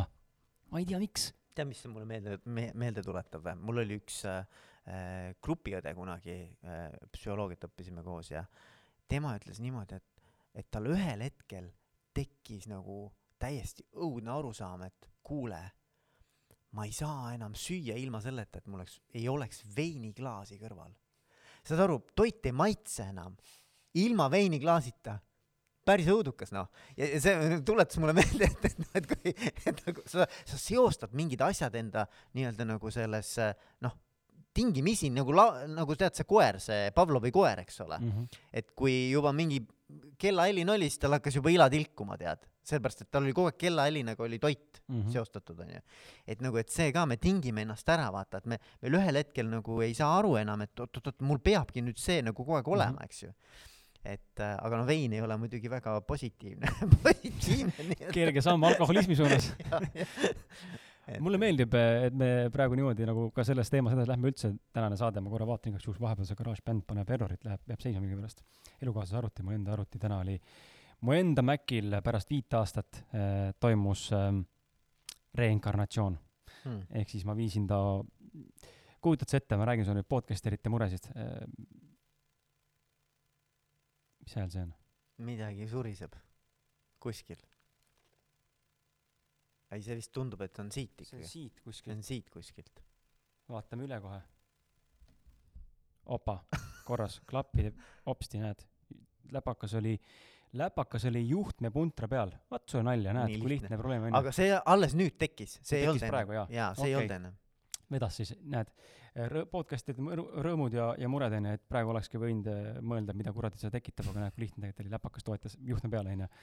et äh, podcasterite rõõm, ma võtsin kunagi IS Musicust endale mm, tehnikat, mikrofonid ja mingid asjad äh, siis enne kui ma Raivot ei tulnud äh, ProGearist, kus me täna siin salvestame ka, aitäh sulle Raivo, ja ProGeari ruumid, progear.ee, minge vaadake, kui tahate heli ja videotehnikat saada, siis sealt leiate ja aitavad hea meelega aga võtsin IS Musicust endale siis tehnikat, et minna Kõpule Hiiumaale salvestama noortega koolikiusamise teemade podcast'i, kutsuti nagu külla salvestama. ja siis ma mäletan, et äh, pidin salvestama mingisuguse tarkvara arvutisse, et saaks kasutada nende välist helikaarti, mille, mille külge mikrid lähevad, et siis nagu Mac suudaks tuvastada rohkem kui ühte mikrit korraga. ja sealt jäi külge mingisugune tarkvara mingi plugin ja nüüd juhtus siuke asi, et äh, nädal aega tagasi tegin MacBookil siis operatiivsüsteemi uuenduse, tuli see mingisugune uus Big Sur, mingi nimeline update, update, nii-öelda, ja mul GarageBand ja Logic X Pro programmid, millega ma salvestan tavalist heli, enam ei avane, lihtsalt mingi Mm. probleem. Mhm. ütleb mulle, et otsib Mhm. mingit asja, mida ma arvutis ei ole ja ta ei ole nõus sellega, et ma seda ei lase otsida. ehk siis viskab kinni ja ei ava üldse, täitsa jookseb kokku ühesõnaga. okei ja siis lahendus oligi, öeldi mulle, et no teate, et äh, vaatasime üle diagnostikaga ja kuuskümmend eurot tunnis vajab professionaalset abi. me ei tea, mis probleem on, aga kuuskümmend eurot tunnis on professionaalne abi, kui tahate, siis on see variant, teine variant on see, et äh, arvuti planguks, tühjaks uuesti, installime peale. ja siis ma mõtlesin, et no kurat, kuuskümmend euri tunnis, no mis kuradi nali see on, võib-olla nad jändavad kümme tundi seal onju. et ma pigem võtan siis selle kakskümmend viis euri ja tehke planguks onju. oota aga kas sul ikkagi said oma nii-öelda failid kätte ja, ja ma tõstsin kõva välisele, välisele okei, kettale okei, ümber ikkagi okei. tegin ära, ma nii, nii tark õnneks olen ja, ja suudan alati asju back-up ida. Macis on see eriti lihtne õnneks, aga, aga tegin ära selle ja siis täna saingi oma Maci kätte, pole avanud veel, siin on siin kotis mul. nüüd lähen koju, siis õhinal saan näha, milline mu reinkarnatsioonist tulnud Mac on pärast viit aastat ja ma pean Maci siinkohal kiitma, kas Veiko sul on ka Mac või? mul on ka Mac jah ma pean Maci päriselt nagu kiitma ja ma arvan, Veiko on nõus, et äh, lause once you go Mac you never go back, see Jaa. vastab nagu täielikult tõele väga mitmetel kriteeriumitel, aga üks kõige suurem üllatus mulle praegu, mis oli, vaat lisaks kõigele muule, et see disain on ilus, ta interface on mõnus, sa saad kõiki asju kohandada, iga Mac on erinev, siuke tunne, ma võtan, võtad praegu sinu Maci lahti, ma arvan, ma jooks, jooks kokku omadega, oleks nagu what the fuck siin toimub mm. kuigi arvuti on sama, Windowsil on vaata ükskõik, kõik on sama, onju, aga Mm. Macis sa saad kõiki asju, neid nupuvajutusi ja kom-, näppude kombinatsioone, kuidas mingid asjad liiguvad ja kõik on nagu, saab nii palju muuta personaalseks. aga mis mulle üllatuseks tuli, viis aastat on äh,, sorry, viis on palju, kaks tuhat viisteist ostsin. ei, ikka on viis saab varsti täis jah, viis saab varsti täis. ostsin selle Maci Austraaliast ja mulle öeldi nüüd pärast diagnostikat, et Maci akust on alles üheksakümmend protsenti jõutöötlusest. Mm. Mm. kujutad sa ette päris seda kujutad sa ette seda pilti see tähendab seda, et nagu ma arvutan viis aastat vana ja mu Maci aku on põhimõtteliselt nagu uus. ja ma pole Maci mitte kordagi lasknud isegi puhastada ega midagi teinud, lisaks muule akule probleemidele, mul ei ole Macil mitte kordagi olnud mingi probleem, ainult nüüd tekitas see helikaart, mis on seotud podcast imisega, ehk siis ta on ülisuper kindel tööriist. hämmastav asi, see, see on seda hinda väärt, jah, ta on kirves, aga no kurat, sa maksad selles mõttes kvaliteedi eest. minule meeldib ka mulle mitte ainult Mac vaid kõik mida Apple teeb et mulle väga-väga sobib et mul on telefon on ka iPhone ja ja ja üldse nagu ma olen erinevaid nende tooteid kasutanud aega jooksul ja ja tegelikult äh, ainukene asi, mida ma noh, kui midagi peab ütlema, et noh, mis nagu on nagu tekitab natuke peavalu, mul on näiteks telekas on Samsung. Ja kui ma tahan ühendada neid omavahel, no seal aeg-ajalt on ikkagi aga sa ajab närvi, ütleme millega sa niimoodi. ühendad HDMI kaabliga või? jaa, aga nad ei mis noh, asja, huvitav, mul on ka Samsung telekas ja mul ei- ja on, ja on probleeme noh. Ja, ja ja Samsung ei taha seda kuradi Apple'i mul ühendab kohe ära. ma valin kohe, ütleb mulle võib-olla mõnikord, enam ei ütle, aga alguses ütles mulle, et äh, on unknown device. ma valisin telefonist, et äh, manuaalse PC ja mul on kohe pilt teleka sees. ei no eks see ongi, ma ütlen, kapriisne värk, et eh, see on liiga high-end Samsung telekas äkki. ei tea, ei tea, ma ühesõnaga, et, et ma, ei, mõnikord töötab ja siis jälle ei tööta. ja siis ei tööta Need on anomaaliad. et ja, ja teine asi näiteks ma võin öelda, ma olen käinud esinemas, koolitusi tegemas ja ma pean alati valmis olema, et see kuradi projektor ei võta seda mm. Maci taha, ta lihtsalt ei võta noh. et, et selles mõttes nagu ühilduvuse mõttes on, on, ma ei tea, mis seal kurat on, aga aeg-ajalt nagu ei äh,, ei taha ühilduda. ainuke miinus, mida mina siin välja toon, jõudsime kuidagi otsapidi Macini onju, siis äh, väike tehnika review saade onju, et äh, mida ma näen just täna Raivoga, sõbraga siin äh, rääkisin ka sellest, et Macil vaata nende tarkvara selle Wordi, Exceli ja nii-öelda noh, nende PowerPointide vastsed nii-öelda on siis Pages, Numbers ja nii-öelda siis äh, mis see Keynote. ehk siis äh, kui sina saadad mulle, kui mina saadan sulle Maci faili, siis sina Windowsi seda avada ei saa, aga kui sa vastupidi saadad mulle Wordi, siis Mac Pages avab Wordi nagu väga küll, perfektselt. Ja mis sa teha saad muidugi, et see lahendus oleks olemas, sa ei pea endale eraldi Wordi installima, vaid sa lähed ilusasti Maci eh, vastavasse programmi ja ekspordid õigesse Microsofti versiooni ja siis ta avaneb ilusti kõigil mm.. Mm. nii et tegelikult on Mac on nagu, ta on minu meelest rohkem läbi mõeldud ja kuidagi nagu palju nagu e oma ajast veidi ees, et see Windows on, ma ei ütle, et Windows halb on, aga nagu päriselt ma tagasi enam kunagi ei läheks. see on natuke usuteema ka, kindlasti. on, on tegelikult on, et selles mõttes ma tean niisuguseid hardcore Windowsi fänne ka, et äh, muidugi jõudluse mõttes ma arvan, et Mac ei ole kõige võimsam, kindlasti, kindlasti on paremaid. ma ei, ma, ma isegi ei julge midagi öelda, aga ma ütlen, mina olen harjunud, mulle väga meeldib see kasutajasõbralikkus, mulle meeldib lihtsus ähm, ja, ja mul ei ole ja see ja kindlus, disain ja, ja töökindlus, et äh, noh, töökindlus nende enda, enda, enda osas muidugi, mitte ühilduvuse mõttes, aga muidu mulle väga meeldib, et no mina ei hakka kunagi ostma endale Windowsi arvutit mm. -hmm. et äh, taht-, hüppasime kuidagi Macini, ma tegelikult tahtsin seda öelda, et äh, mul on hea meel, et me praegu sellist teemat räägime, sest et äh, vaata muidu ma olen seda nii palju kogenud kuulajate pealt ja ma alati, alati, kui keegi mul ligi tuleb kuskilt või, või keegi kirjutab, siis ma alati tõmban selle fooni kohe maha, sest mulle ei meeldi see asi üldse ja ja, ja nagu see on nii ebavajalik, kui sind nagu ülistatakse kuidagi või vaadatakse nagu altpoolt üles, et oo, ausad mehed podcast'i Kris Kala, tere, kas tohib teie poole pöörduda või Veiko, tere, kas tohib, kas, kas tohib teie aega raisata, ma tahaks väga teie poole, mis kuradi teie, ütle sina mulle, lõpeta ära, ma olen, mis kuradi nali see on, mul nagu üldse ei meeldi siuke asi, nagu mingi Mhm. autoriteetlikkus tekib, jah, ma saan aru, mingil määral ma olengi autoriteetlik ja sina samamoodi oma mõtetega ja lausutega ja ma arvan, ka sina kuulaja oled kellelegi autoriteet. olgu sõbranna või sõber või vend või õde või isa või ema, kelle iganes. aga nagu mulle ei meeldi see, see tunne, mis minusse luuakse, et ma olen nagu mingi guru või jumal ja nüüd vaatan alt, ülevalt alla nagu ma ei taha, ma tahaks pigem alt üles vaadata, nagu siuke tunne tekib automaatselt sisse, et äh, inimesed on äh, päris palju kirjutanud ja nagu öelnud ka nagu kuidagi võtavad nagu ma ei tea keda, kellena mind onju ja mul on hea meel, et täna see saade jälle näitab meid mõlemad saatejuhtidena ja ma ei tea, palju sina ennast sellise poole pealt avanud oled oma kuulajatele, aga näitab sind nagu teistsugusest nurgast, kas sa päriselt oled nagu see Veiko, kes kurat nagu teeb nalja, itsitab, ajab vahepeal lolli juttu, samas on intelligentne, aga samal ajal suudab olla ka saatejuht, kui vaja on ja teha asju nagu kvaliteetselt, et inimesed kipuvad vaata meid läbi mingi filtri nägema, aga nad ei näe, mis tegelikult igapäevaselt toimub, onju, kui ma näeksin saaksin teile kirjeldada, kuidas Peep Vain igapäevaselt elab, mitte ma igapäevaselt teaksin, aga nagu mingil määral natuke rohkem tean, siis noh, te saaksite võib-olla šoki nagu, tavainimene, te ei ole niimoodi, inimlik, inimlik. iga päev seal kuradi teeb miljoni ärisid, ei ole niimoodi noh, kuule ei lõpetage ära muidugi noh., muidugi, ma arvan, et see kuvand on ikkagi paljuski enda loodud, et äh, inimesed ise loovad endale mm. -hmm. et, et tegelikkuses äh,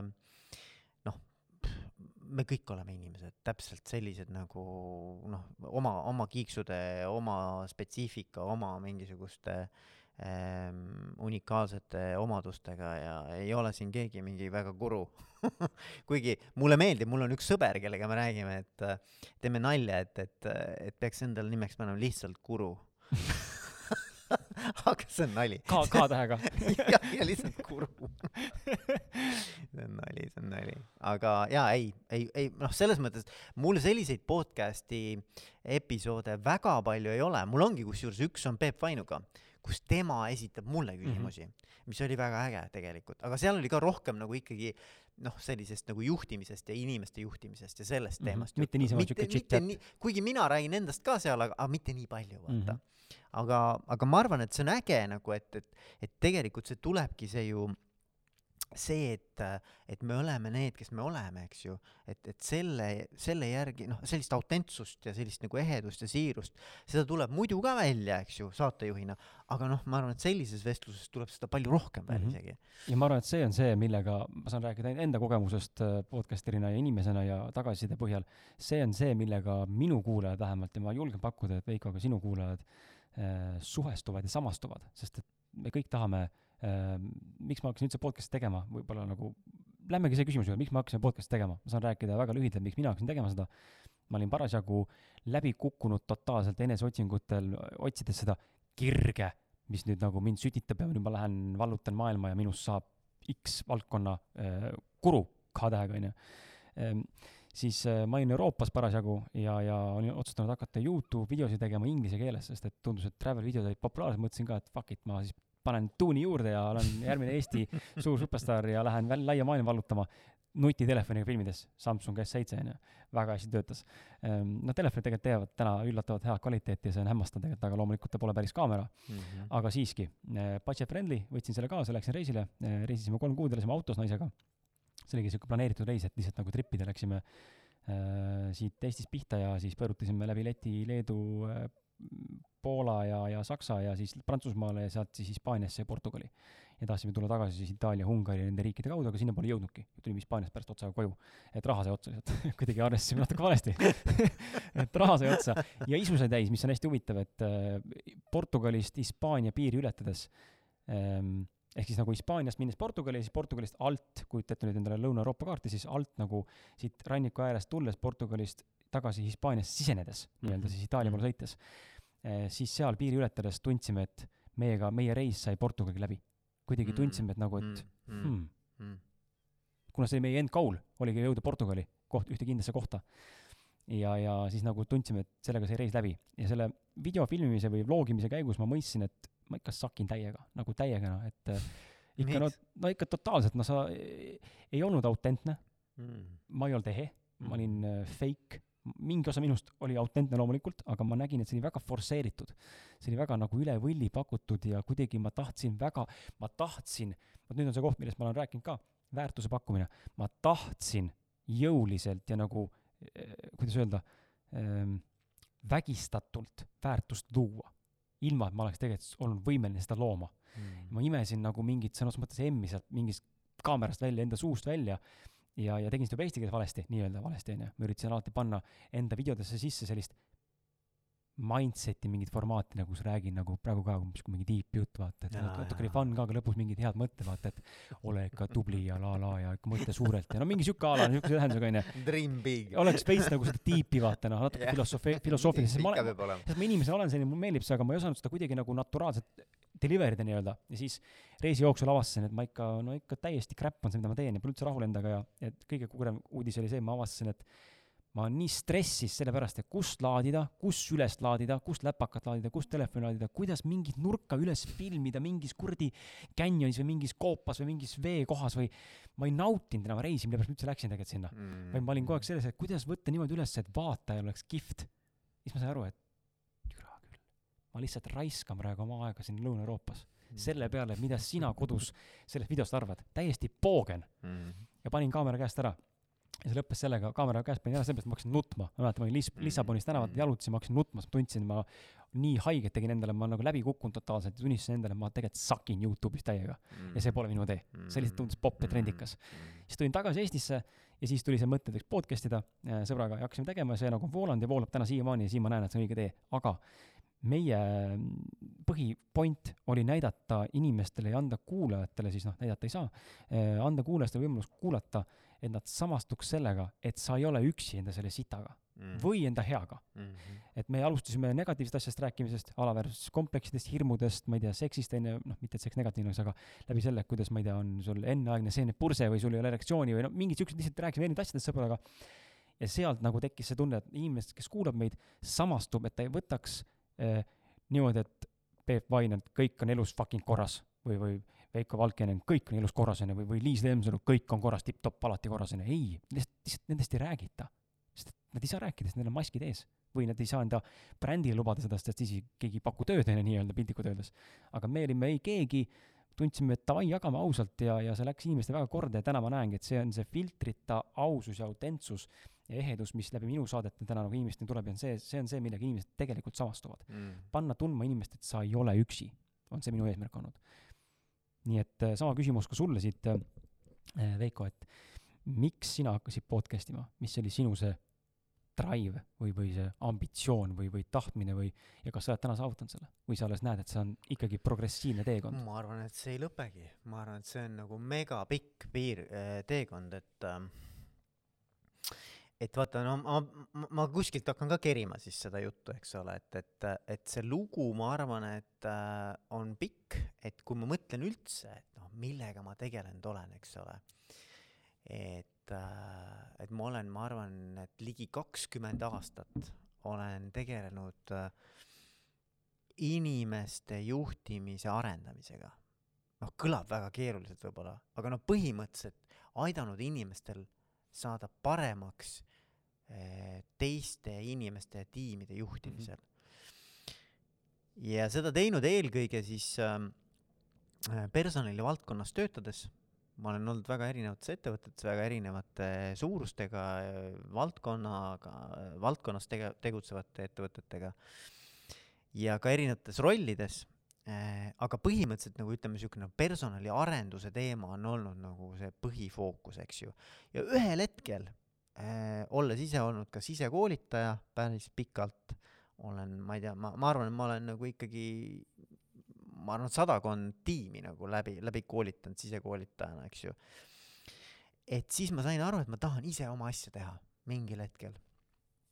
ja see mõte oli tegelikult ammu-ammu juba, ma arvan, et see oli pff, ma, ma, ma pakun ennem kui ma ettevõtte üldse lõin, ikkagi aastaid ennem seda, ja siis ühel hetkel ma, ma, mul lõppes töösuhe ära äh, ja ma istusin laua taga ja suure õhinaga, et nüüd hakkan suureks koolitajaks ja siis sain aru, et kurat, siin üksi laua taga istudes nagu midagi ära ei tee et noh, et ma noh, sõna otseses mõttes, et tegelikult mul on vaja üldse aru saada, mis on need teemad, millega siis juhid maadlevad parasjagu, kust üldse sellist nagu suhtevõrgustikut looma hakata, eks ole no mul on vaja tegelikult ju inimesi suhelda selleks, eks ole, mul on vaja mingisugust võrgust, mul on vaja kuidagimoodi äh, aru saada, mis on see, millega ma saan neid aidata, mis on see väärtus, mida ma pakkuda saan. ja siis ma võtsin kõigepealt esimese ringina, see ei olnud üldse podcast'is, mõeldud podcast'i formaadis, see oli lihtsalt, et ma lindistan seda, mida me teeme mm. -hmm. Ja me räägime, eks ju, ja oma esimesed nii-öelda tuttavad juhid käisin läbi ja siis ma sain aru, et aga see on asi, mida ma võiks rahulikult hakata nagu avalikult mm -hmm. ka jagama. ja selle asja nimi ei olnud alguses üldse podcast, see oli juhtimisblogi, noh, see, mul on see hashtag juhtimisblogi on siiamaani. aga tegelikult reaalselt oli podcast, sest ma kogu selle vestluse avaldasin avalikult, eks ju, SoundCloudis. ja, ja nii ta hakkas kasvama.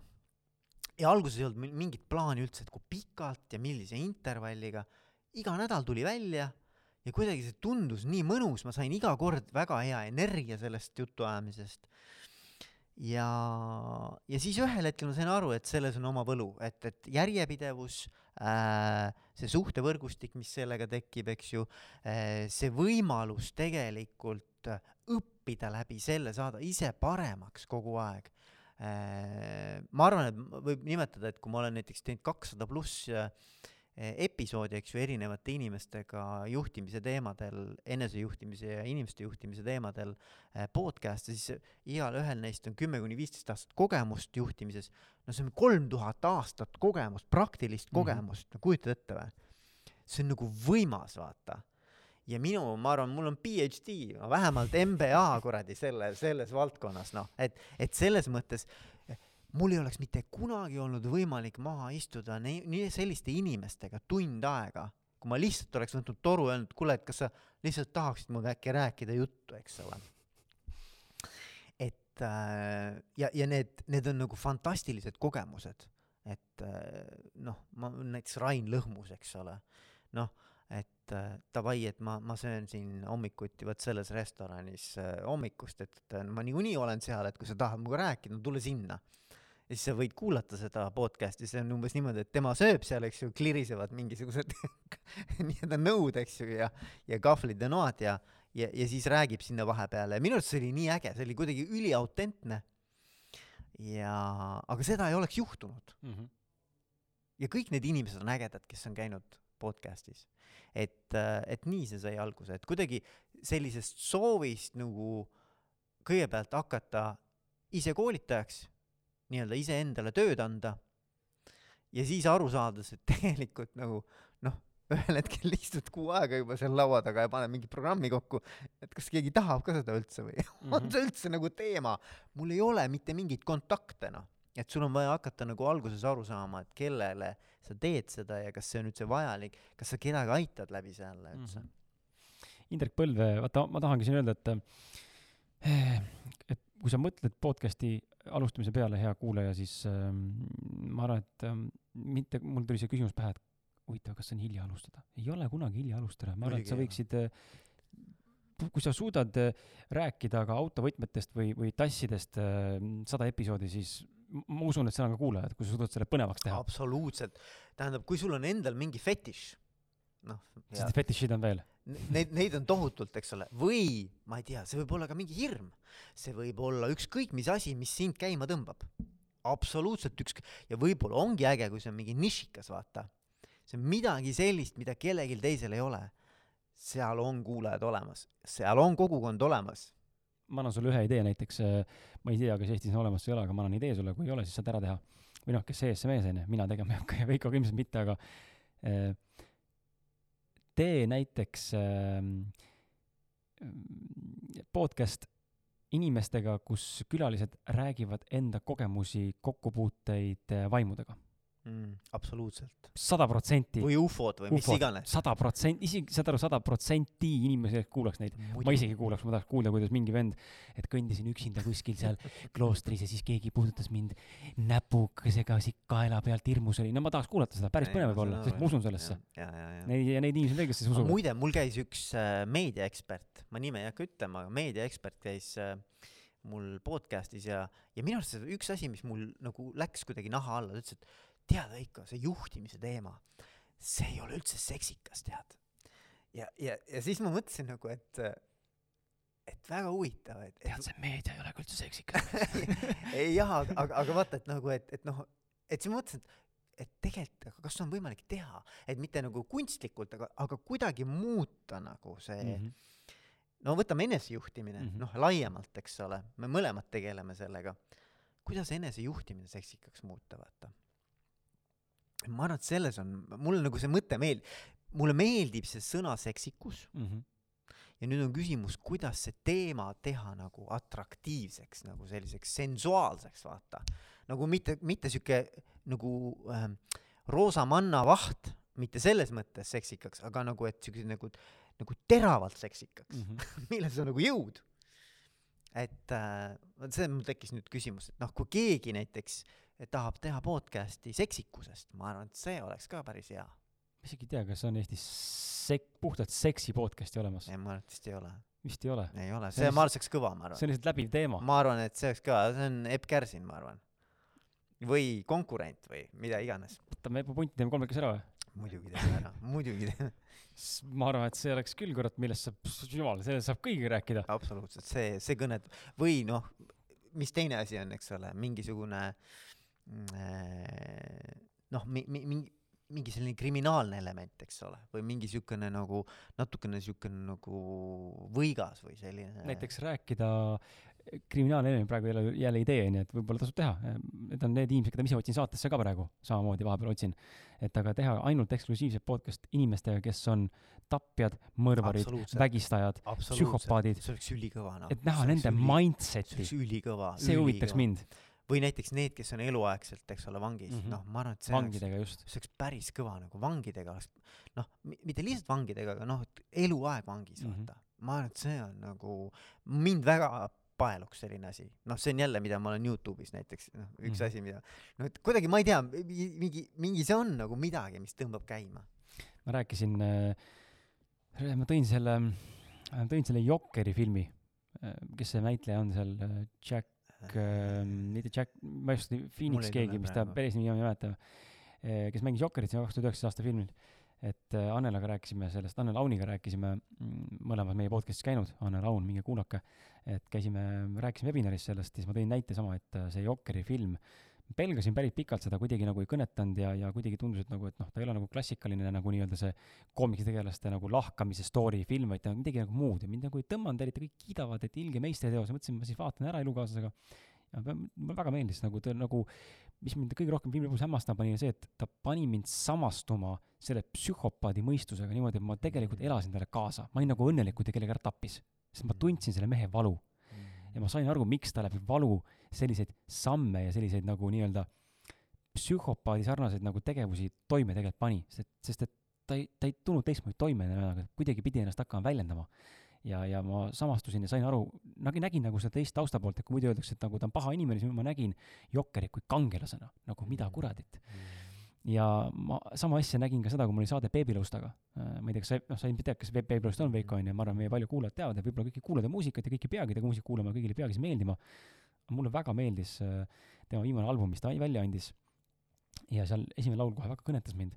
Väga sügavad sõnad ja, üldse tal on väga nagu sügavad laulud tegelikult, kui teda kuulata ja temaga rääkisime ka vanglast ja kõigest sellest ja miks ta nagu ikkagi on neid asju teinud, mis ta teinud on. ja huvitav on nagu kuulata, näha sellise inimese pähe nagu ja sa näed nagu tegelikult teist tausta, miks ta niimoodi käitus või teinekord ei oskagi öelda, miks ta niimoodi käitus, siis käitus mingi, tekkis mingi instinkt teha midagi, onju, et mingi, mingi, mingi drive või mingisugune impulss. Et äh, nad on kõik inimesed samamoodi nagu sina-mina, et äh, mm. äge on nagu näha teist inimest äh, nii-öelda nagu pähe ja telgitagustesse ja veel kihvtim on see, kui nad on valmis ka ennast avama, teinekord ei ole vaata ja teinekord võib-olla ei oskagi avada ennast, noh, et beebilõustaga ma ise tundsin, et natuke jäi nagu mul sellest mingist visioonist, mis mu peas oli see saate, selle saate eesmärgiga, jäi nagu puudu. Ta kas ei osanud ennast ise avada, sest ta polnud varem sellisel, sellise läbi filtri ennast nagu avanud või rääkinud, ehk siis see eneseteadlikkus võib-olla ei olnud nagu nii suur või nagu ma ei oska hinnata, kui suur või väike, ma ei taha midagi halvasti tema kohta öelda, mul ei ole midagi halvasti öelda, aga et võib-olla ta ei osanud nagu ennast kuidagi nagu noh, niimoodi nagu väljendada. Ja mina võib-olla ei osanud nagu suhestuda piisavalt, et küsida nagu selliseid küsimusi, mis mul kuskilt nagu mingisuguses illusioonis peas nagu kuskil kõikusid, onju, et ma tundsin, et sealt saatest oleks saanud veel välja pigistada, aga mm, ma ei osanud. mm.. mul, mul muidugi minul tekib vaata see, et äh, kui sa ütled nagu saate eesmärk, siis mul, vaata mul on olnud ka inimesi, kes küsivad, et kuule, ütle mulle, Veiko, ära, kuhu sa välja tahad jõuda, et siis noh, mul lihtsam vaata mm. -hmm noh, küsivad niimoodi ja siis ma nagu mõtlen, et oot-oot-oot, et aga, aga et mul ei ole nagu mingit eesmärki nagu, et, et ähm, et, et ma, ma tahan sinust rääkida, sinu lugu äh,, sinu kujunemis äh, story, eks ole. et, et see, kuhu me välja jõuame äh,, on parasjagu see, mis, mis üles kerkib meie selles vestluses, eks ju. et mul ei ole seda ja see on nagu, nagu natuke arusaamatu, et oot-oot-oot, aga et, et ikkagi nagu, et mis, millest me siis räägime. ja, ja mulle meeldib, vaata, mis mulle jälle nagu selles podcast'i suhtes meeldib, on see, et see ongi natukene selline nagu äh, kunst selles mõttes, et nii nagu kunstnikul on, on ees kanvas, eks ole ta ei tea, mis sinna peale täpselt tuleb, eks ole, ta hakkab lihtsalt tegema seda, eks. ja mulle tundub, podcast on samamoodi, et sa hakkad nagu kuskilt kerima ja sa nagu täpselt ei tea, okei okay,, sul on mingid raamid on olemas, eks ju, sa tead, et noh, selle inimese tausta ja et mis tema ajalugu on olnud ja mis sind huvitab, aga ikkagi noh, see, see inimene annab sulle oma jutuga mingisuguse telliskivi või mingi kivi, mille sa paned talle ette, ta astub sinna peale ja siis ta räägib mingi järgmise loo, sa võtad sealt mingisuguse järgmise küsimuse kivina, paned talle ette ja siis ta astub sinna peale ja mõnes mõttes loota seda nagu teerada mm. -hmm. ja mulle meeldib nagu mõelda, et, et kus iganes siis sa välja jõuad, see ongi see õige koht, kus sa välja jõuad. ja nagu ma ennem ütlesin, alati jõuad sa kuhugi kus sa varem pole jõudnud, ehk et kui sa järgmine kord selle inimesega räägid, on täiesti uus teekond mm. -hmm. ja, ja kuidagi sihuke, mulle meeldib see eh, ennustamatus natukene ka Mhm. selles, selles jutus. ja, ja ma arvan, et, et kui me ennem rääkisime, vaata, et mida see on aidanud nagu podcaster'ina mul arendada endast, siis kindlasti on kuulamine. et kuulamisoskus, et Mhm. noh, et üks asi on väljendusoskus, aga ma arvan, see kuulamisoskus on ka meeletult oluline. et, et noh, mida me tavaliselt teeme, on see, et kui sa kuulad teist inimest, siis sa mõtled vastust kuidas ma saaks midagi öelda onju. Mis see vastus, mida ma ütleks nüüd selle peale, eks ju. aga tegelikult ma nagu püüan kuidagi niimoodi nagu kuulata, et et milliseid nagu emotsioone, milliseid äh, mõtteid, tundeid see, mida sina räägid, nagu noh, ära tunda endas, mida see minus üles kergitab. ja selle pealt nii-öelda siis anda see nii-öelda oma küsimus järgmine. aga noh, tava, vaata tavavestluses on ikkagi pigem see, et et sa püüad juba kuidagimoodi kas oma pointi siis nii-öelda argumenteerida või kuidagimoodi noh, see läheb väga ratsionaalseks, aga siin on minu arvates see nagu voolav, vaata, see on nagu selline noh, nagu siukene nagu ma ei tea, jõgi nagu. Mhm. ma olen hea, täiesti nõus, hea, et sa välja tõid selle tegelikult, et äh, ma ise näen sedasama asja, sa kirjeldasid väga hästi seda protsessi ka, et kui sinus endas kui kuulajana tekib ära mingi samastumine kehatasandil või intuitiivselt, siis mõistuses võib ju sul olla mingisugune skaleeritav plaan ees, onju, millest sa lähtud mingitest küsimustest, aga teinekord sa üldse ei jõuagi nendeni, sest et sest et kui sa oled inimesega päriselt kohal, siis sealt tekivadki uued nagu küsimused, uued taipamised, uued nagu seosed, uued mingisugused, ah ma haaran sellest hoopis kinni, tundus huvitav, onju. et see kõnetas mind, onju, ja see, see jätab palju autentsema, palju ehedama mulje, ehk siis ma arvan, et see on see, mis nagu rohkem müüb, kui see, et äh, sa oled nagu robot, kes lihtsalt küsib küsimusi ja nagu by the book onju, mul on nagu hea kogemus äh, ja siinkohal ma ei taha üld-, nagu ma ei halvustagi, et äh, palun ärge solvuge onju, aga ma räägin oma ausad naiste podcast'ist, mille ma olen ka käima tõmmanud ja ise seal nagu häälena kaasa ei löö, aga, aga mõtteteona olen kaasas ja tüdrukud Lauret ja Elis siis veavad seda. ja nende puhul siis, no enam nüüd ei ole, aga alguses oli, et äh, olid nad hästi nagu toored ja kui külalistega oli saade, siis oli nagu hästi by the book, et sul on mingi mega, no ala, meil on praegu hästi mingi sorav vestlus onju, ja siis on nagu korraks see paus, nüüd et edasi minna nagu spontaanselt, siis tuli see küsimus nagu by the book, et aga kuidas on lood, nagu no, see tundsid kohe ära nagu, et no, türa, see on nagu fuck, see on nii nii robotlik, nii jaa, nurk jaa, nagu, mis jaa. asja, sa rikkusid, sa tõmbasid nagu flow, sa lõikasid selle machetega selle flow lihtsalt nii Mm, tükkideks ja ma mm, tahaks mm, öelda sulle, et sorry, aga ma ei taha salvestada enam head aega mm,, kõik. mm, mm, mm. et see ära nagu kõiki neid küsimusi, mis endale kirja paned või kõik asjad, mis sa nagu teed ja tahad öelda, neid asju ei, ei pea alati ütlema või ei pea alati küsima, minna nagu kaasa selle poolega, jätta nagu seda mänguruumi sisse sinna, et see on nagu palju põnevam minu meelest. ja, ja, ja, ja mõnikord on niimoodi, et et ikkagi nagu tekivad veel nagu mingid sellised ähm, sa pead nagu viis korda küsima, miks, et aru saada nagu, et kus see siis ikkagi see nagu päris miks on. et mulle meeldib ka nii mõelda, et noh, et äh, mõnikord nagu lihtsalt küsi ühte sama küsimust nagu mitu korda äh, erineva nurga alt. Ja, ja inimene iga kord nagu läheb rohkem sügavamale, sügavamale, sügavamale, see on ka minu arust kihvt näha nagu. et, et sa nagu näed, kuidas inimene avab natukene seda ust natuke rohkem, natuke rohkem, natuke rohkem. Ja ühel hetkel ta on isegi nagu noh, mul on nagu selliseid hetki ka olnud, kus kus inimene nagu ise nagu ehmatab ära, et oot-oot-oot, mis ma nüüd nagu, oh, oota, kuhu ma nüüd läksin selle jutuga, eks ole. aga see on nii kihvt nagu vaata, et äh, inimene unustab ära selle mikrofoni, unustab ära selle äh, kuulajaskonna, noh, alguses ikka natuke rabe, eks ole, no pannakse mikker ette, et tõmbab kergelt käe higiseks, eks. Aga et just, et nagu, et kuidagi nagu aidata sel inimesel, minu arvates see on ülioluline ka, seda nagu psühholoogilist turvalisust luua. kohalolu. kohalolu, vaata, Mhm. et ta nagu tegelikult tunneb, et, et ma saan olla siin see, kes ma tegelikult olen. ma ei pea krampis olema siin, kartma, kuskil paparatsi pildistab või salaja filmib onju. jaa, või et noh, mingi, mingi mask või roll või Mhm. mingisugune noh, nii-öelda nagu sotsiaalselt soovitud nagu äh, mingi kuvand nagu endast luua, eks ju, no eks seda ikka on natuke, aga aga ma arvan, et mida rohkem, mida kauem sa räägid, seda rohkem sa saad nagu kontakti selle selle päris äh, olemusega. mul oli mingi mõte veel seoses, seoses selle, aa, et ähm, sa ütlesid vaata, et äh, inimesed küsivad, et mis, mis, mis see teema on, kuhu sa tahad jõuda, vaata Jaa, sellega. mult ei ole väga palju küsitud seda õnneks, sest äh, ma ei tea, miks, ma ei oska isegi öelda, miks, aga ma näen, et ähm, mõne külalisega mul endal on mingi visioon, milleni ma tahan nagu jõuda, näiteks nagu Babylostega oli, ma tahan näidata seda teist poolt, et ta ei ole tegelikult kuradi kaak. tegelikult ta on jumala äge vend mm.. või, või näiteks äh, meil homme, homme, oota nüüd, äh, see saade tuleb välja, millal, ma ei tea nüüd täpselt, aga ähm, üksteist detsember ilmus äh, ausad meeste podcast'ist selline saade Eesti tippkokk Erki Ruubeliga kus ma tahtsin näidata ka seda kokamaailma tagatausta, telgitagust, mida keegi kunagi ei räägi, aga millest ta oma raamatus kirjutas ja millest ta podcast'is väga värvikalt räägib, on ju, sa näed nagu seda, sa näed seda ilu ja valu, mis on tippkoka elu, on ju, kui on vend on kakskümmend seitse või kakskümmend viis ja saab esimese infarkti, siis on nagu küsimärk, nagu mida kuradit tegelikult toimub seal maailmas. et äh, mingites saadetes mingite inimestega on nagu see, kus ma tahan nagu mingi pointini vaata jõuda lõpuks mm. -hmm. aga see point on nagu väga väike osa kogu sellest kahetunnisest vestlusest võib-olla, on ju, et äh, mm et selles mõttes on, äh, on nagu jah, hästi erinev dünaamika. seoses vestlustest, äh, pikkustest tähendab, siis kas sul ongi enamus äh, podcast'id tunnised või?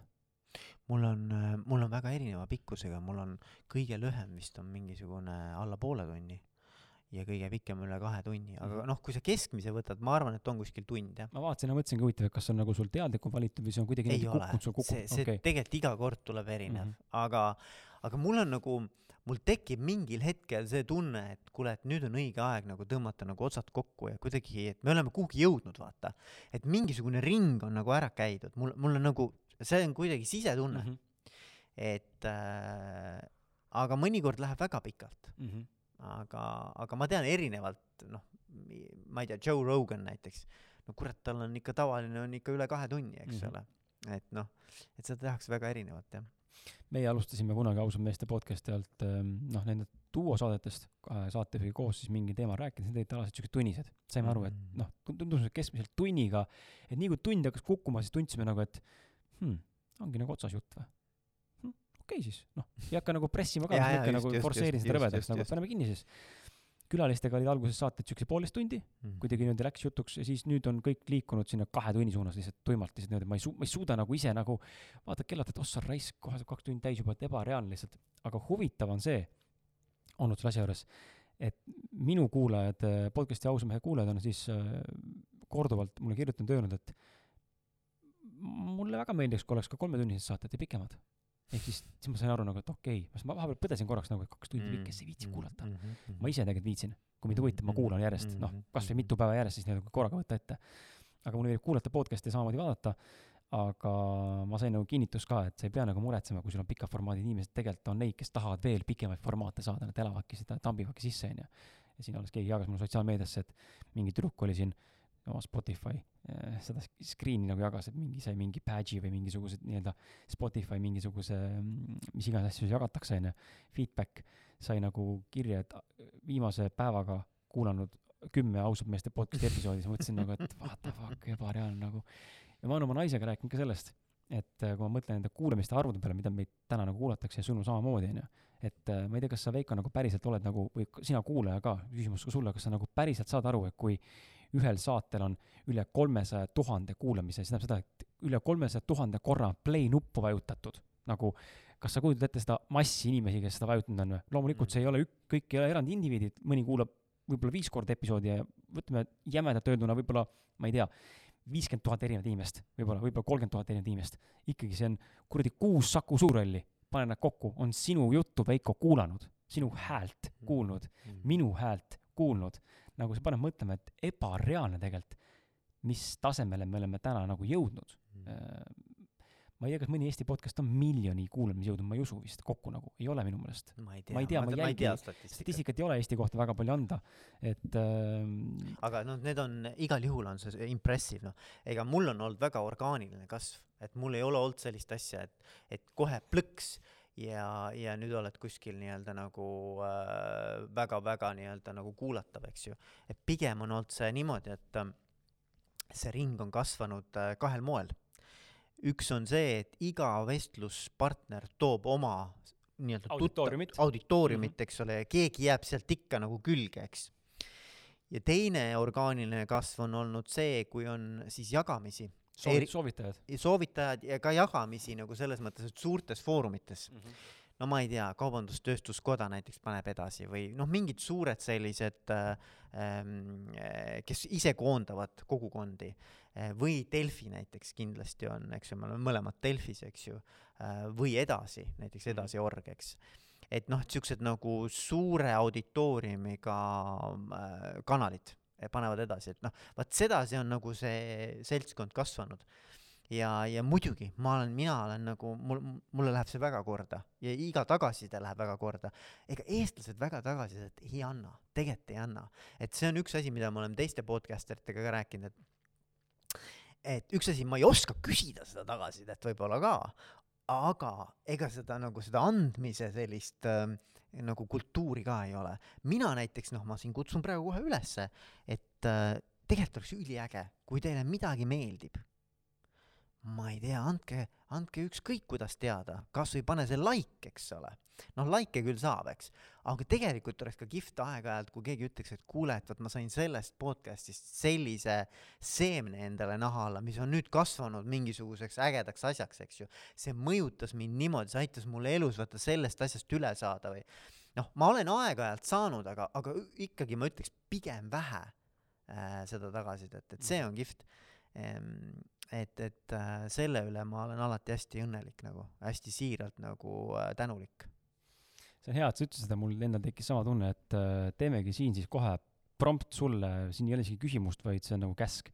mine ausad meeste Facebooki, mine juhtimiskvaliteet on konkurentsieelis eh, Facebooki, meie SoundCloudidesse, pane sinna follow, see nupuvajutus on väga lihtne, see on nagunii kasutaja olemas, kui ei ole, siis fucking tee pane follow ja mine vaata, kirjuta meile midagi ilusat või kirjuta näiteks review alla meile mõni arvustus. see töötab, see töötab sellepärast, et äh, me kasutasime, ma kasutasin ausalt meeste podcast'i ajal alguses, ma arvan, et viimased pool aastat pole seda väga aktiivselt teinud, aga esimesed kaks aastat iga saate lõpus oli see, kui sulle saade meeldis, too üks uus kuulaja, ehk siis levita ja palun kirjuta meile äh, feedback, kui sul on midagi öelda head. jaa, minu arust see on äge. ja meile äge. tuli tohutult palju Facebooki arvust-, mul on vist, ma arvan, mingi vii-, nelikümmend erinevat viie tärni Facebooki review'd, mis inimesed Okei, kirjutavad sulle, et okei. fantastiline, pikad tekstid. ma kuulasin täna seda ja see on nii palju mind aidanud elus. see, see see on nagu annab väga üliolu- palju juurde. ülioluline on see. ja, ja noh, mina olen väga paha selline nii-öelda olnud noh kehva, kehva selline nagu auditooriumiga suhtleja, aga ma, ma, ma luban, ma olen praegu lubanud, ma annan mingi lubaduse Mhm, praegu, mhm. eks ju e,. annan Kris Kala nii-öelda nagu võtab mult paar tilka verd, eks ole et kui te kirjutate mulle, ma ei tea, kirjutate sinna SoundCloudi, kirjutate mulle Facebooki, ükskõik kuhu, eks ole, mingi tagasiside, siis ma luban, ma vastan. Ma arvan, et see on ka nagu oluline, väga oluline. see on väga oluline, et sa vastad. mina olen väga aktiivne. ja mina olen kehva, aga ma luban, praegu ma luban, et ma teen seda. annad väga palju juurde, sest inimene See- tahab saada seda vastust. ma kirjutasin Veikole, vaatan, see on endagi siuke õhin, ma kirjutan näiteks, ma ei tea, kellelegi, kes mulle korda läinud on, näiteks, ma ei tea, ma toon näite, ma kunagi saatsin Donald Trumpile enda raamatu Ameerikasse enda esimese raamatu saatsin kaks tuhat kuule, kümme see on aastal. ülikõva, Kris. saatsin otsin teada selle Trump Toweri äh, selle asukoha aadressi saatsin talle paki läbi Eesti Posti Omnivat oledki ei olnud saatsin talle Eesti Postiga enda esimese raamatu eestikeelse raamatu sisse kirjutasin ingliskeelse pühenduse Donald Trump you inspire me.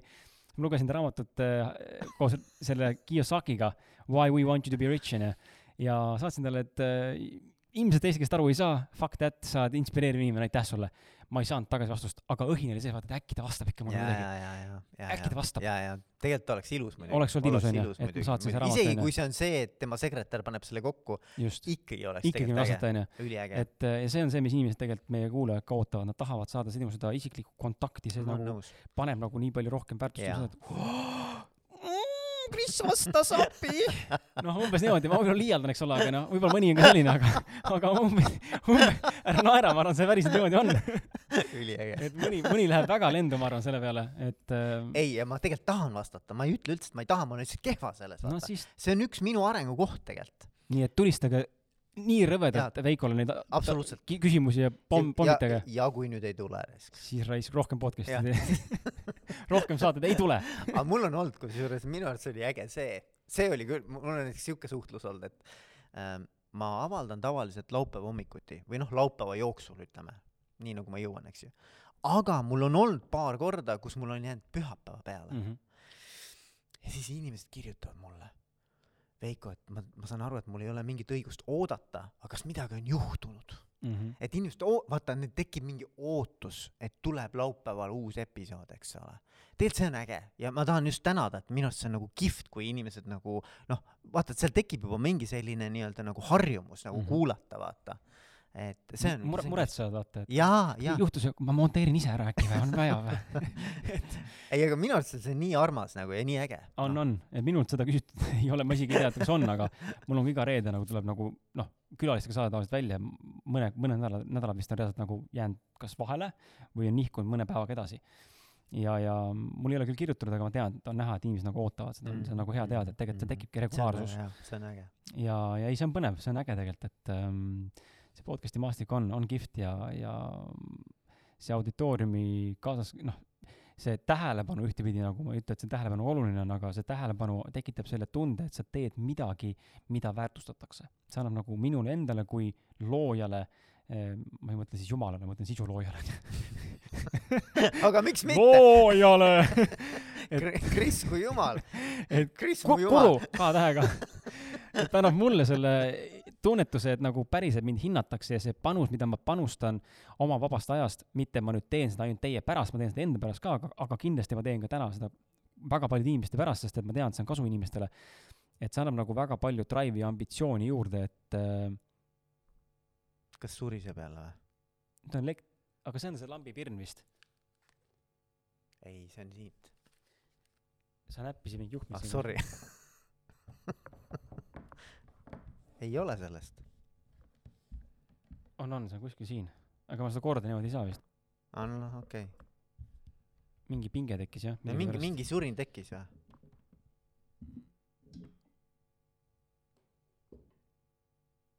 no ta otseselt ei sega ausalt öeldes, aga, aga noh, mingi väike su-, surin tekkis jah. võib-olla annab märku või? äkki annab, kuulge, poisid, lõpetage ära. aitab, ma hakkan surisema. ei, aga on ju mingi surin, ei ole või? küll jah, nagu oleks elektripinge. oota, aga, aga siit ei või olla midagi või? ei ole. ma ei tea, mis tekkis praegu jah, lambi. see on nagu telekaga kunagi. jah, muidu ei saa siis, need puruks raisk. no siis on lihtsalt siis nii okei, on, no midagi teha ei ole. midagi ei ole teha jah, et kui teate, miks see tekib, siis äh, andke lihtsalt teada, järgmine kord ei tee, noh et äh, aga jah. nüüd, tõmbas lukku ära, et äh, ma, ma ei mäleta enam, millest me rääkisime. sellest, et see feedback inimestelt on Aa, see, mis annab õige, nagu õige, ambitsiooni ja drive'i endale nagu rohkem panustada ka ja teha asju edasi, et sa ei saa nagu, tekib nagu see kohustus, vaata, et sa ei saa nagu asja nagu pooleli jätta, sest et inimesed tahavad seda süüa, onju. ja, ja tegelikult jällegi ma ütlen, see on nagu, nagu vaata, ma kunagi olin äh, ikkagi päris niuke õhin spordipoiss, eks ju. noh, ma käin siiamaani tegelikult jõusaalis, aga, aga siis ma olin ikkagi nagu, nagu tegin tõsiselt, eks. ja, ja see on samasugune asi, nagu oli sporditreeningutega. et kui ma jätsin vahele treeningu, plaanipärase treeningu, siis mul oli nii kerge järgmine kord uuesti öelda, noh, ma ühe korra jätsin vahele, ei ole täna tunnet, noh, jätan uuesti vahele. aga praegu mul on see, et nagu, et, et selles järjepidevuses, regulaarsuses on mingi jõud juba. vaata, Mhm. selles on tekkinud nagu mingisugune selline noh, see nagu kuidagi drive ib mind ka, noh, heas mõttes, see ei ole isegi enam nagu, alguses võib-olla oli natuke siuke nagu tagant turgitsemine, aga praegu on nagu juba see nagu selline nagu mingisugune see nagu minu kuvandi ja DNA-ga läheb kokku, vaata, minu olemusega, et, et see olengi mina ja, ja kui ma ei tee seda iga nädal, et siis see ei ole mina, vaata mm. -hmm. see on umbes samamoodi nagu, et, et kas sul on suitsetaja identiteet või sa oled mittesuitsetaja identiteet. et kui ma ei ole suitsetaja, siis see suits mind ei tõmba lihtsalt, eks ole. Et mul on samamoodi, et ma, et, et kui ma olen podcaster, siis ma teen podcast'i ja see on, see on loogiline, et ma teengi seda iga nädal ja ja kuidagi ma ei tea, selles on mingi uhkus, selles on mingisugune võlu, mingi ägedus. ja ma naudin seda tegelikult, et sellel on kindel järjepidevus nagu. ja, ja ma arvan, et, et see, see läheb ka kuulajatele korda. mm. -hmm. ma olen nõus. kuule, aga, aga sa, me siin oleme tegelikult nagu alguses ähm, kuidagi tiisisime, et me teeme siin, paneme seljad kokku, teeme koostööd ja, ja et miks me seda teeme, me ei ole rohkem sellest rääkinud. kas me lõpus ütleme midagi välja ka selle kohta jaa, mõtlesingi, et tõmbaks kokku selle, miks nagu selle saate sellega, et ütleme siis välja, mida me nagu teha plaanime või, või me, meil on tegelikult nii palju on? plaane, et ausalt öeldes, kui me kokku saime, minu arvates me panime nagu neid, neid ideid oli ikkagi nagu rohkem kui jaa, just, aga, aga räägime võib-olla sellest, mis me kindlasti nii-öelda nagu täna oleme mm. -hmm. nagu vaia maha löönud, et nüüd me, vot seda me teeme, onju. Et üks asi, mida me kindlasti teeme enda krüptoraha teeme. ka- kalakoin või kuidas Coin podcast. ei tee tegelikult jah, et äh, räägi, mis me teeme? et üks asi ja see on tõesti mind nagu hästi-hästi nagu inspireerib, sina oled juba noh, mingil moel seda varem ka praktiseerinud, mina ei ole kunagi teinud, live äh, üritust podcast'i näol. live-salvestus siis. live-salvestus, minu arust see on nagu nii äge. Selle võlu seisneb selles, et need inimesed, kes tulevad kohale, saavad selle energia, mis meie siin tegelikult nii-öelda nagu Loome. kogu aeg Mhm. loome, eks ju, saavad sellest osa, saavad ise osaleda äh, küsimuste esitamisel, kommenteerimisel, räägivad kaasa selles arutelus, eks ju, noh, teatud määrani, eks. ja, ja lisaks Networking. networking, lisaks on see, et kui sa tuled koha peale, siis sul tegelikult on seda materjali, mida sa saad palju rohkem kui see, mis lõpuks nii-öelda podcast'ina kokku mm. -hmm. kokku nii-öelda miksitakse, eks ole ähm,. et, et noh kõige, kõige tähtsam on see ikkagi, et nagu saab sinuga pilti teha, teha. minuga saab jah, just, minuga saab pilti teha. see on. absoluutselt ja, ja kui on vaja, kui tahate kuhugi autogrammi, siis ma võin selle ka ära teha. kuhugi. me ei ütle kuhu, aga kuhugi. kuhugi, eks ole, et see on ka võimalik, et aga ja, ja üldse noh, niisugune nagu mõnus relax õhkkond, me ei taha seda teha kuskil sellises rafineeritud stuudios, me pigem teeks seda kuskil niisuguses mõnusas, me ei, täna veel välja ei ütle, kus kohas, eks mm -hmm. ole, aga sellises mõnusas lahedas õhkkonnas, kus on võib-olla väike ka mingisugune muusikaline niisugune vahepala, eks ole, väike trinksöök, Trink, väike kokaiin. no jah, võib-olla. ei ma ju kätt ette ei pane, eks ole. muide, oled sa kokaiini proovinud? ei, ma olen väga pai poiss. Eh, mina olen ühe korra kokaiini proovinud, me peaks rääkima sellest järgmises saates. me räägime sellest kunagi. see oli põnev, see oli põnev. jah, ja, ja üldse mitte see, ma praegu ei propageeri kokaiini proovimist Eh, ega ei ütle, et, et ma üldse tahaks seda kunagi edaspidi proovida, aga ühe korra elus Mhm. Eh, minu arvates on äge eh, proovida, lihtsalt proovimise pärast ja hästi turvalises õhkkonnas, kunagi räägime sellest mm. -hmm. aga oota, tuleme, tuleme nüüd tuleme selle mõtte juurde. selle mõtte juurde, et, et mul, mind inspireerib see mõte ja teha seda äh, läbi aasta, noh, palju me kordi teeme, ma ei tea, kaksteist korda iga kuu näiteks, eks ju äh,, meil on juba isegi esimesed äh, esimesed nii-öelda vestluspartnerid äh,, kaasosalised on äh, välja valitud, on räägitud, aga ma vist praegu ei julge, ma mm, -mm. ma pigem nagu praegu ei viskaks seda välja, aga, aga ma, aga ma annaksin äh, võimaluse sulle kaasa rääkida, hea kuulaja. kui, kujutan ette nüüd, kui noh, mina olen neli, neli live podcast'i teinud enda ausad meeste podcast'i alt äh, Peep Vainuga, Kaido Pajumaaga, Igor Skalkiniga Tantra festivali laivil ja siis viimane oli Ants Rootsasega sellel augustil, vahetult enne seda koroona lõplikku nagu pealetulemist. sada seitsekümmend inimest oli saalis, megarets, Üliäge. nagu megarets energia oli seal ja see oli üle kahe tunni, inimesed ütlesid ka, et oleks võinud kuulata viis tundi ka, sest et see on nii põnev jah. ja, ja anna, anna teada, palun, keda sina tahaksid näha äh, ausad mehed podcasti ja, ja juhtimiskvaliteet on konkurentsi eelis podcasti ühises nii-öelda live podcasti sarja äh, laval külalisena näiteks. Äkki sul tuleb mingi jaa. hea mõte? Äh, absoluutselt tahaks kuulda ja, ja mõtle nii ka, et noh, et ke- kellega sa tuleksid nii-öelda nagu, võtaksid veel nii-öelda, ma ei tea, mõne sõbra kaasa, eks ole. suguvõsa ikka kohe kaasa. no ei, aga päriselt nagu, et, et, et kas oleks nagu keegi, keda sa tuleksid nii-öelda sõbrannadega või, või sõbraga või ma ei tea, kolleegiga äh,, tiimiga mm. -hmm. miks mitte, muidugi. Tuleksid nagu päriselt kuulama, kes tõmbaks käima ja, ja kelle eest oleks nõus ka mingi väiks, väikse, väikse, väikse, sott, sott. noh, mingisuguse, Mingisuguse ikkagi sümboolse mingi sümboolse summa ikkagi ka tasuma, eks ole. et äh, vot see oleks äge Mhm. jaa, nii et me peame ainult palvetama, et need koroonapiirangud siin väga üle käte ei lähe ja inimesed siin valitsuses täitsa hulluks ei lähe no ma arvan, me maskidega seda tegema ei hakka. ei, ma ei tule maskiga mitte kuskile, ma siin ühes, ühes podcast'is ütlesin ka, et ma enne ausalt, mind, minu pärast pange tuleriidale, ma ei pane seda ette. ma, minu, minu maailmavaade lihtsalt ei luba ja ma tean, et inimestele see ei meeldi ja, ja mõnele meeldib, aga mul on suva, mina seda ette ei pane.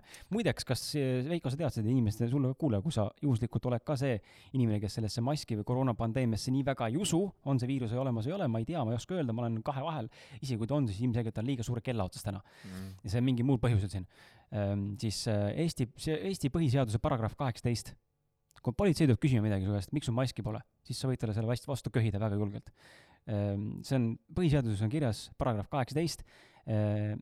ma võin sulle kohe ette lugeda ka mida see tähendab, see on väga lühike nimi eh, või nagu lause, ma eile otsisin üles selle sellepärast, et see aitab välja, kui muu ei aita. Paragrahv kaheksateist ütleb, et kedagi ei tohi piinata, julmalt või väärikust alandavalt kohelda ega karistada. kedagi ei tohi tema vaba tahte vastaselt allutada meditsiini ega teaduskatsetele. maski kandmine on täna teaduskatse, see ei ole fucking tõestatud mitte kuskil, et see kuidagi aitaks, see on pigem tõestatud vastupidist, see ei aita mitte midagi. ja kui sellest ei sobi mitte kellelegi, siis mina olen öelnud paar korda turumeestele, olen sattunud juhtunud vestlema, on tulnud küsima, miks sul maski ei ole, ma olen öelnud ausalt välja, et teate, minu maailmavaate uskumused ja arusaamine ja informatsioon Covid-19 kohta ei vasta sellele, mida, millest räägib kollane meedia, seetõttu mina otsustan maski mitte kanda, aitäh teile, ilusat päeva. keegi ei saa meid kohustada mitte milleski, meie enda ei, otsus. fair enough, fair enough, selles mõttes, et minul ei ole äh, mingisugust nagu ütleme, ma, mul ei ole emotsionaalselt nagu selle ühe või teise poolega mingit sidumist äh,. mida ma näinud olen, on see, et äh, mitmed minu sõbrad, kes postitavad nendel teemadel, lähevad omavahel kuidagi nagu, nagu, nagu, nagu tekib mingi selline nagu lausa siukene tõsine emotsionaalne vastasseis. seal on vaja põhimõtteliselt kirved juba. ja, ja, ja, ja vot see on minu arust nagu nõme, et, et nagu ma, ma seda nagu ei poolda, et ma arvan, et kui sa oled, usud seda, usu seda mm. -hmm. minul on okei okay,, fine. kui usud, et peaks maski kandma, usu seda, kanna, fine. aga ära tule toppima. jaa, ei nõus, et, et see ei tähenda seda, et ma pean nüüd sinu järgi käituma, aga ma nagu ei, noh, minu jaoks on see, et äh, et see ei ole nagu, see ei ole teema, Mhm. mille pealt nagu üksteisega kaklema hakata mm. -hmm, et äh, aga noh, selge on see, et äh, see on ülisegane teema. Elon Musk näiteks äh,, siis see Tesla testi teema, jah, jaa, ma lugesin seda. see on täiesti absurd, tegi ühel samal päeval ühe sama õega ühes samas asutuses ühes. samas asutuses neli testi, sai kaks testi, mis olid positiivsed ja kaks testi, mis olid negatiivsed. ehk et see on ikkagi nii segane värk, vaata. mis seal tegelikult nagu toimub, mida tegelikult me ei, üldse? me no me ei tegelikult tea ei. tea, kas need testid üldse nagu õiged, aga ma ei taha ka olla mingisugune nii-öelda noh, nagu Vandenõuteoreetik on ju. vandenõuteoreetik, et, et äh, mina ütlen niimoodi, et elame selle kuradi viiruse üle äh,, teeme oma asju nii hästi, kui oskame praegu sellises uues reaalsuses ja, ja püüame ikkagi elu nautida, noh, Mhm. Nii palju kui võimalik. mina, ja mina julgustan inimesi lihtsalt küsima küsimusi, sest me ei, me ei tea mitte, mina ei tea ka tõde, ei tea Veiko tõde, ei tea sina tõde, lihtsalt olge nagu avatud äh, kõigele, sest et me ei tea tegelikult mitte me ei midagi tea, me tegelikult ei tea ja, ja, ja ei, noh, ausalt öeldes ma, ma ka ei, oma und ei taha nagu sellega nagu peletada, et ma Jah. kogu aeg mõtlen selle peale, et noh, las ta siis olla, las ta siis olla. aga kui koroonapiirangud äh, vähenevad või vähegi lubavad, siis jaa, ideaalis äh, ma arvan, et jaanuarist praegu ei jõua vist teha, muidu peaks juba reklaamima, aga veebruarist võib-olla või märtsist on juba oodata, loodetavasti võiks äh, olla oodata esimest äh, live podcast'i salvestust koos publikuga. üliäge, üliäge, väga ootan seda, väga tahan teha äh,. mul on hea meel, et sa seda teinud oled, mis annab nagu sellist julgustust, mina olen nagu palju teinud konverentse ja koolitusi, mis samamoodi teiselt poolt nii-öelda annab julgustust ja, ja minu arvates on äge ka see, et me toome nagu erinevaid energiaid jälle sinna, vaata. Chris, Veiko, meil on nagu, nagu minu arvates on hea kombo nagu. ma arvan, meil on väga hea dünaamika, ma kujutan ette nagu esinedes ka või üldse rääkides, klapp on väga hea, ma arvan, et ja tänane kuulaja, ma ma loodan nagu selles mõttes mingil määral ka, et kes meid siin kuulab, kui sa oled ausad mehed podcast'i kuulaja, siis ma loodan, et sa samastusid ja suhestusid ja sulle meeldis Veiko ja vastupidi ka, mina, Veiko, sinu podcast'i kuulajatele ka meeldin või hakkasin kuidagi mingil määral kuidagi nagu meeltmööda, mokkamööda rohkem olema, et et ma arvan, et meil on väga hea duo. absoluutselt. ja siis äh, eks meil on teisi asju veel, mis me teeme, eks ju, Mhm. aga, aga ma arvan, et see on kõige võib-olla niisugune nagu käega katsutav. käegakatsutavam, eks ole, et, et eh, et jah, et, et teistest asjadest saame siis edaspidi rääkida, Mm -hmm. On ju? kõlab väga hästi. kuule, üliäge. ma tänan sind, Veiko, mina tänan sind, Kris, ja, ja, me täname teid. ja täname teid, kuulajaid ja, ja nagu räägitud, tagasisidet, hästi kihvt oleks saada tagasisidet, onju. mina Mhm. luban vastata ka. ja kui see, see tänane formaat siin nagu meeldis, kus kaks podcast'i panid seljad kokku ja lihtsalt vestlesid ja rääkisid, siis no ma ei tea, kui see tõesti meeldib inimestele, mulle seda meeldis teha, siis ma ei tea, mine tea, äkki kuus korra äkki, ma ei, ma ei pane, Absoluutselt. ma ei pane isegi mingit perioodi, aga ütleme, hakkab tulema äkki rohkem seda sellist Hakkab. repertuaari. ja, ja minu, minu arvates me jõudsime nagu nii kihvt oli rääkida näiteks jälle sellest ka, et äh, esinemistest mm. -hmm. mida me teeme, kuidas me oleme, mida podcast annab, eks ole äh,. et, et me ei rääkinud, et me selleni jõuame, aga mm. -hmm. mõtle, kui ägedad asjad nagu minu Mhm. arvates, ma ise nautisin seda ja ma arvan, et kui ma pärast kuulan, noh, ma arvan, ma kuulan seda, eks ju, et siis tegelikult jällegi tekib mingi, oo, okei okay,, selline mõte Mhm. on ju, et kuidas ma seda väljendasin, eks. ja kõik need kakskümmend küsimust on vastamata põhimõtteliselt Kõik- järg-, järgmiseks saateks. absoluutselt, nii et väga, väga lahe. kuule, aga äge, jaa, tšau. tšau.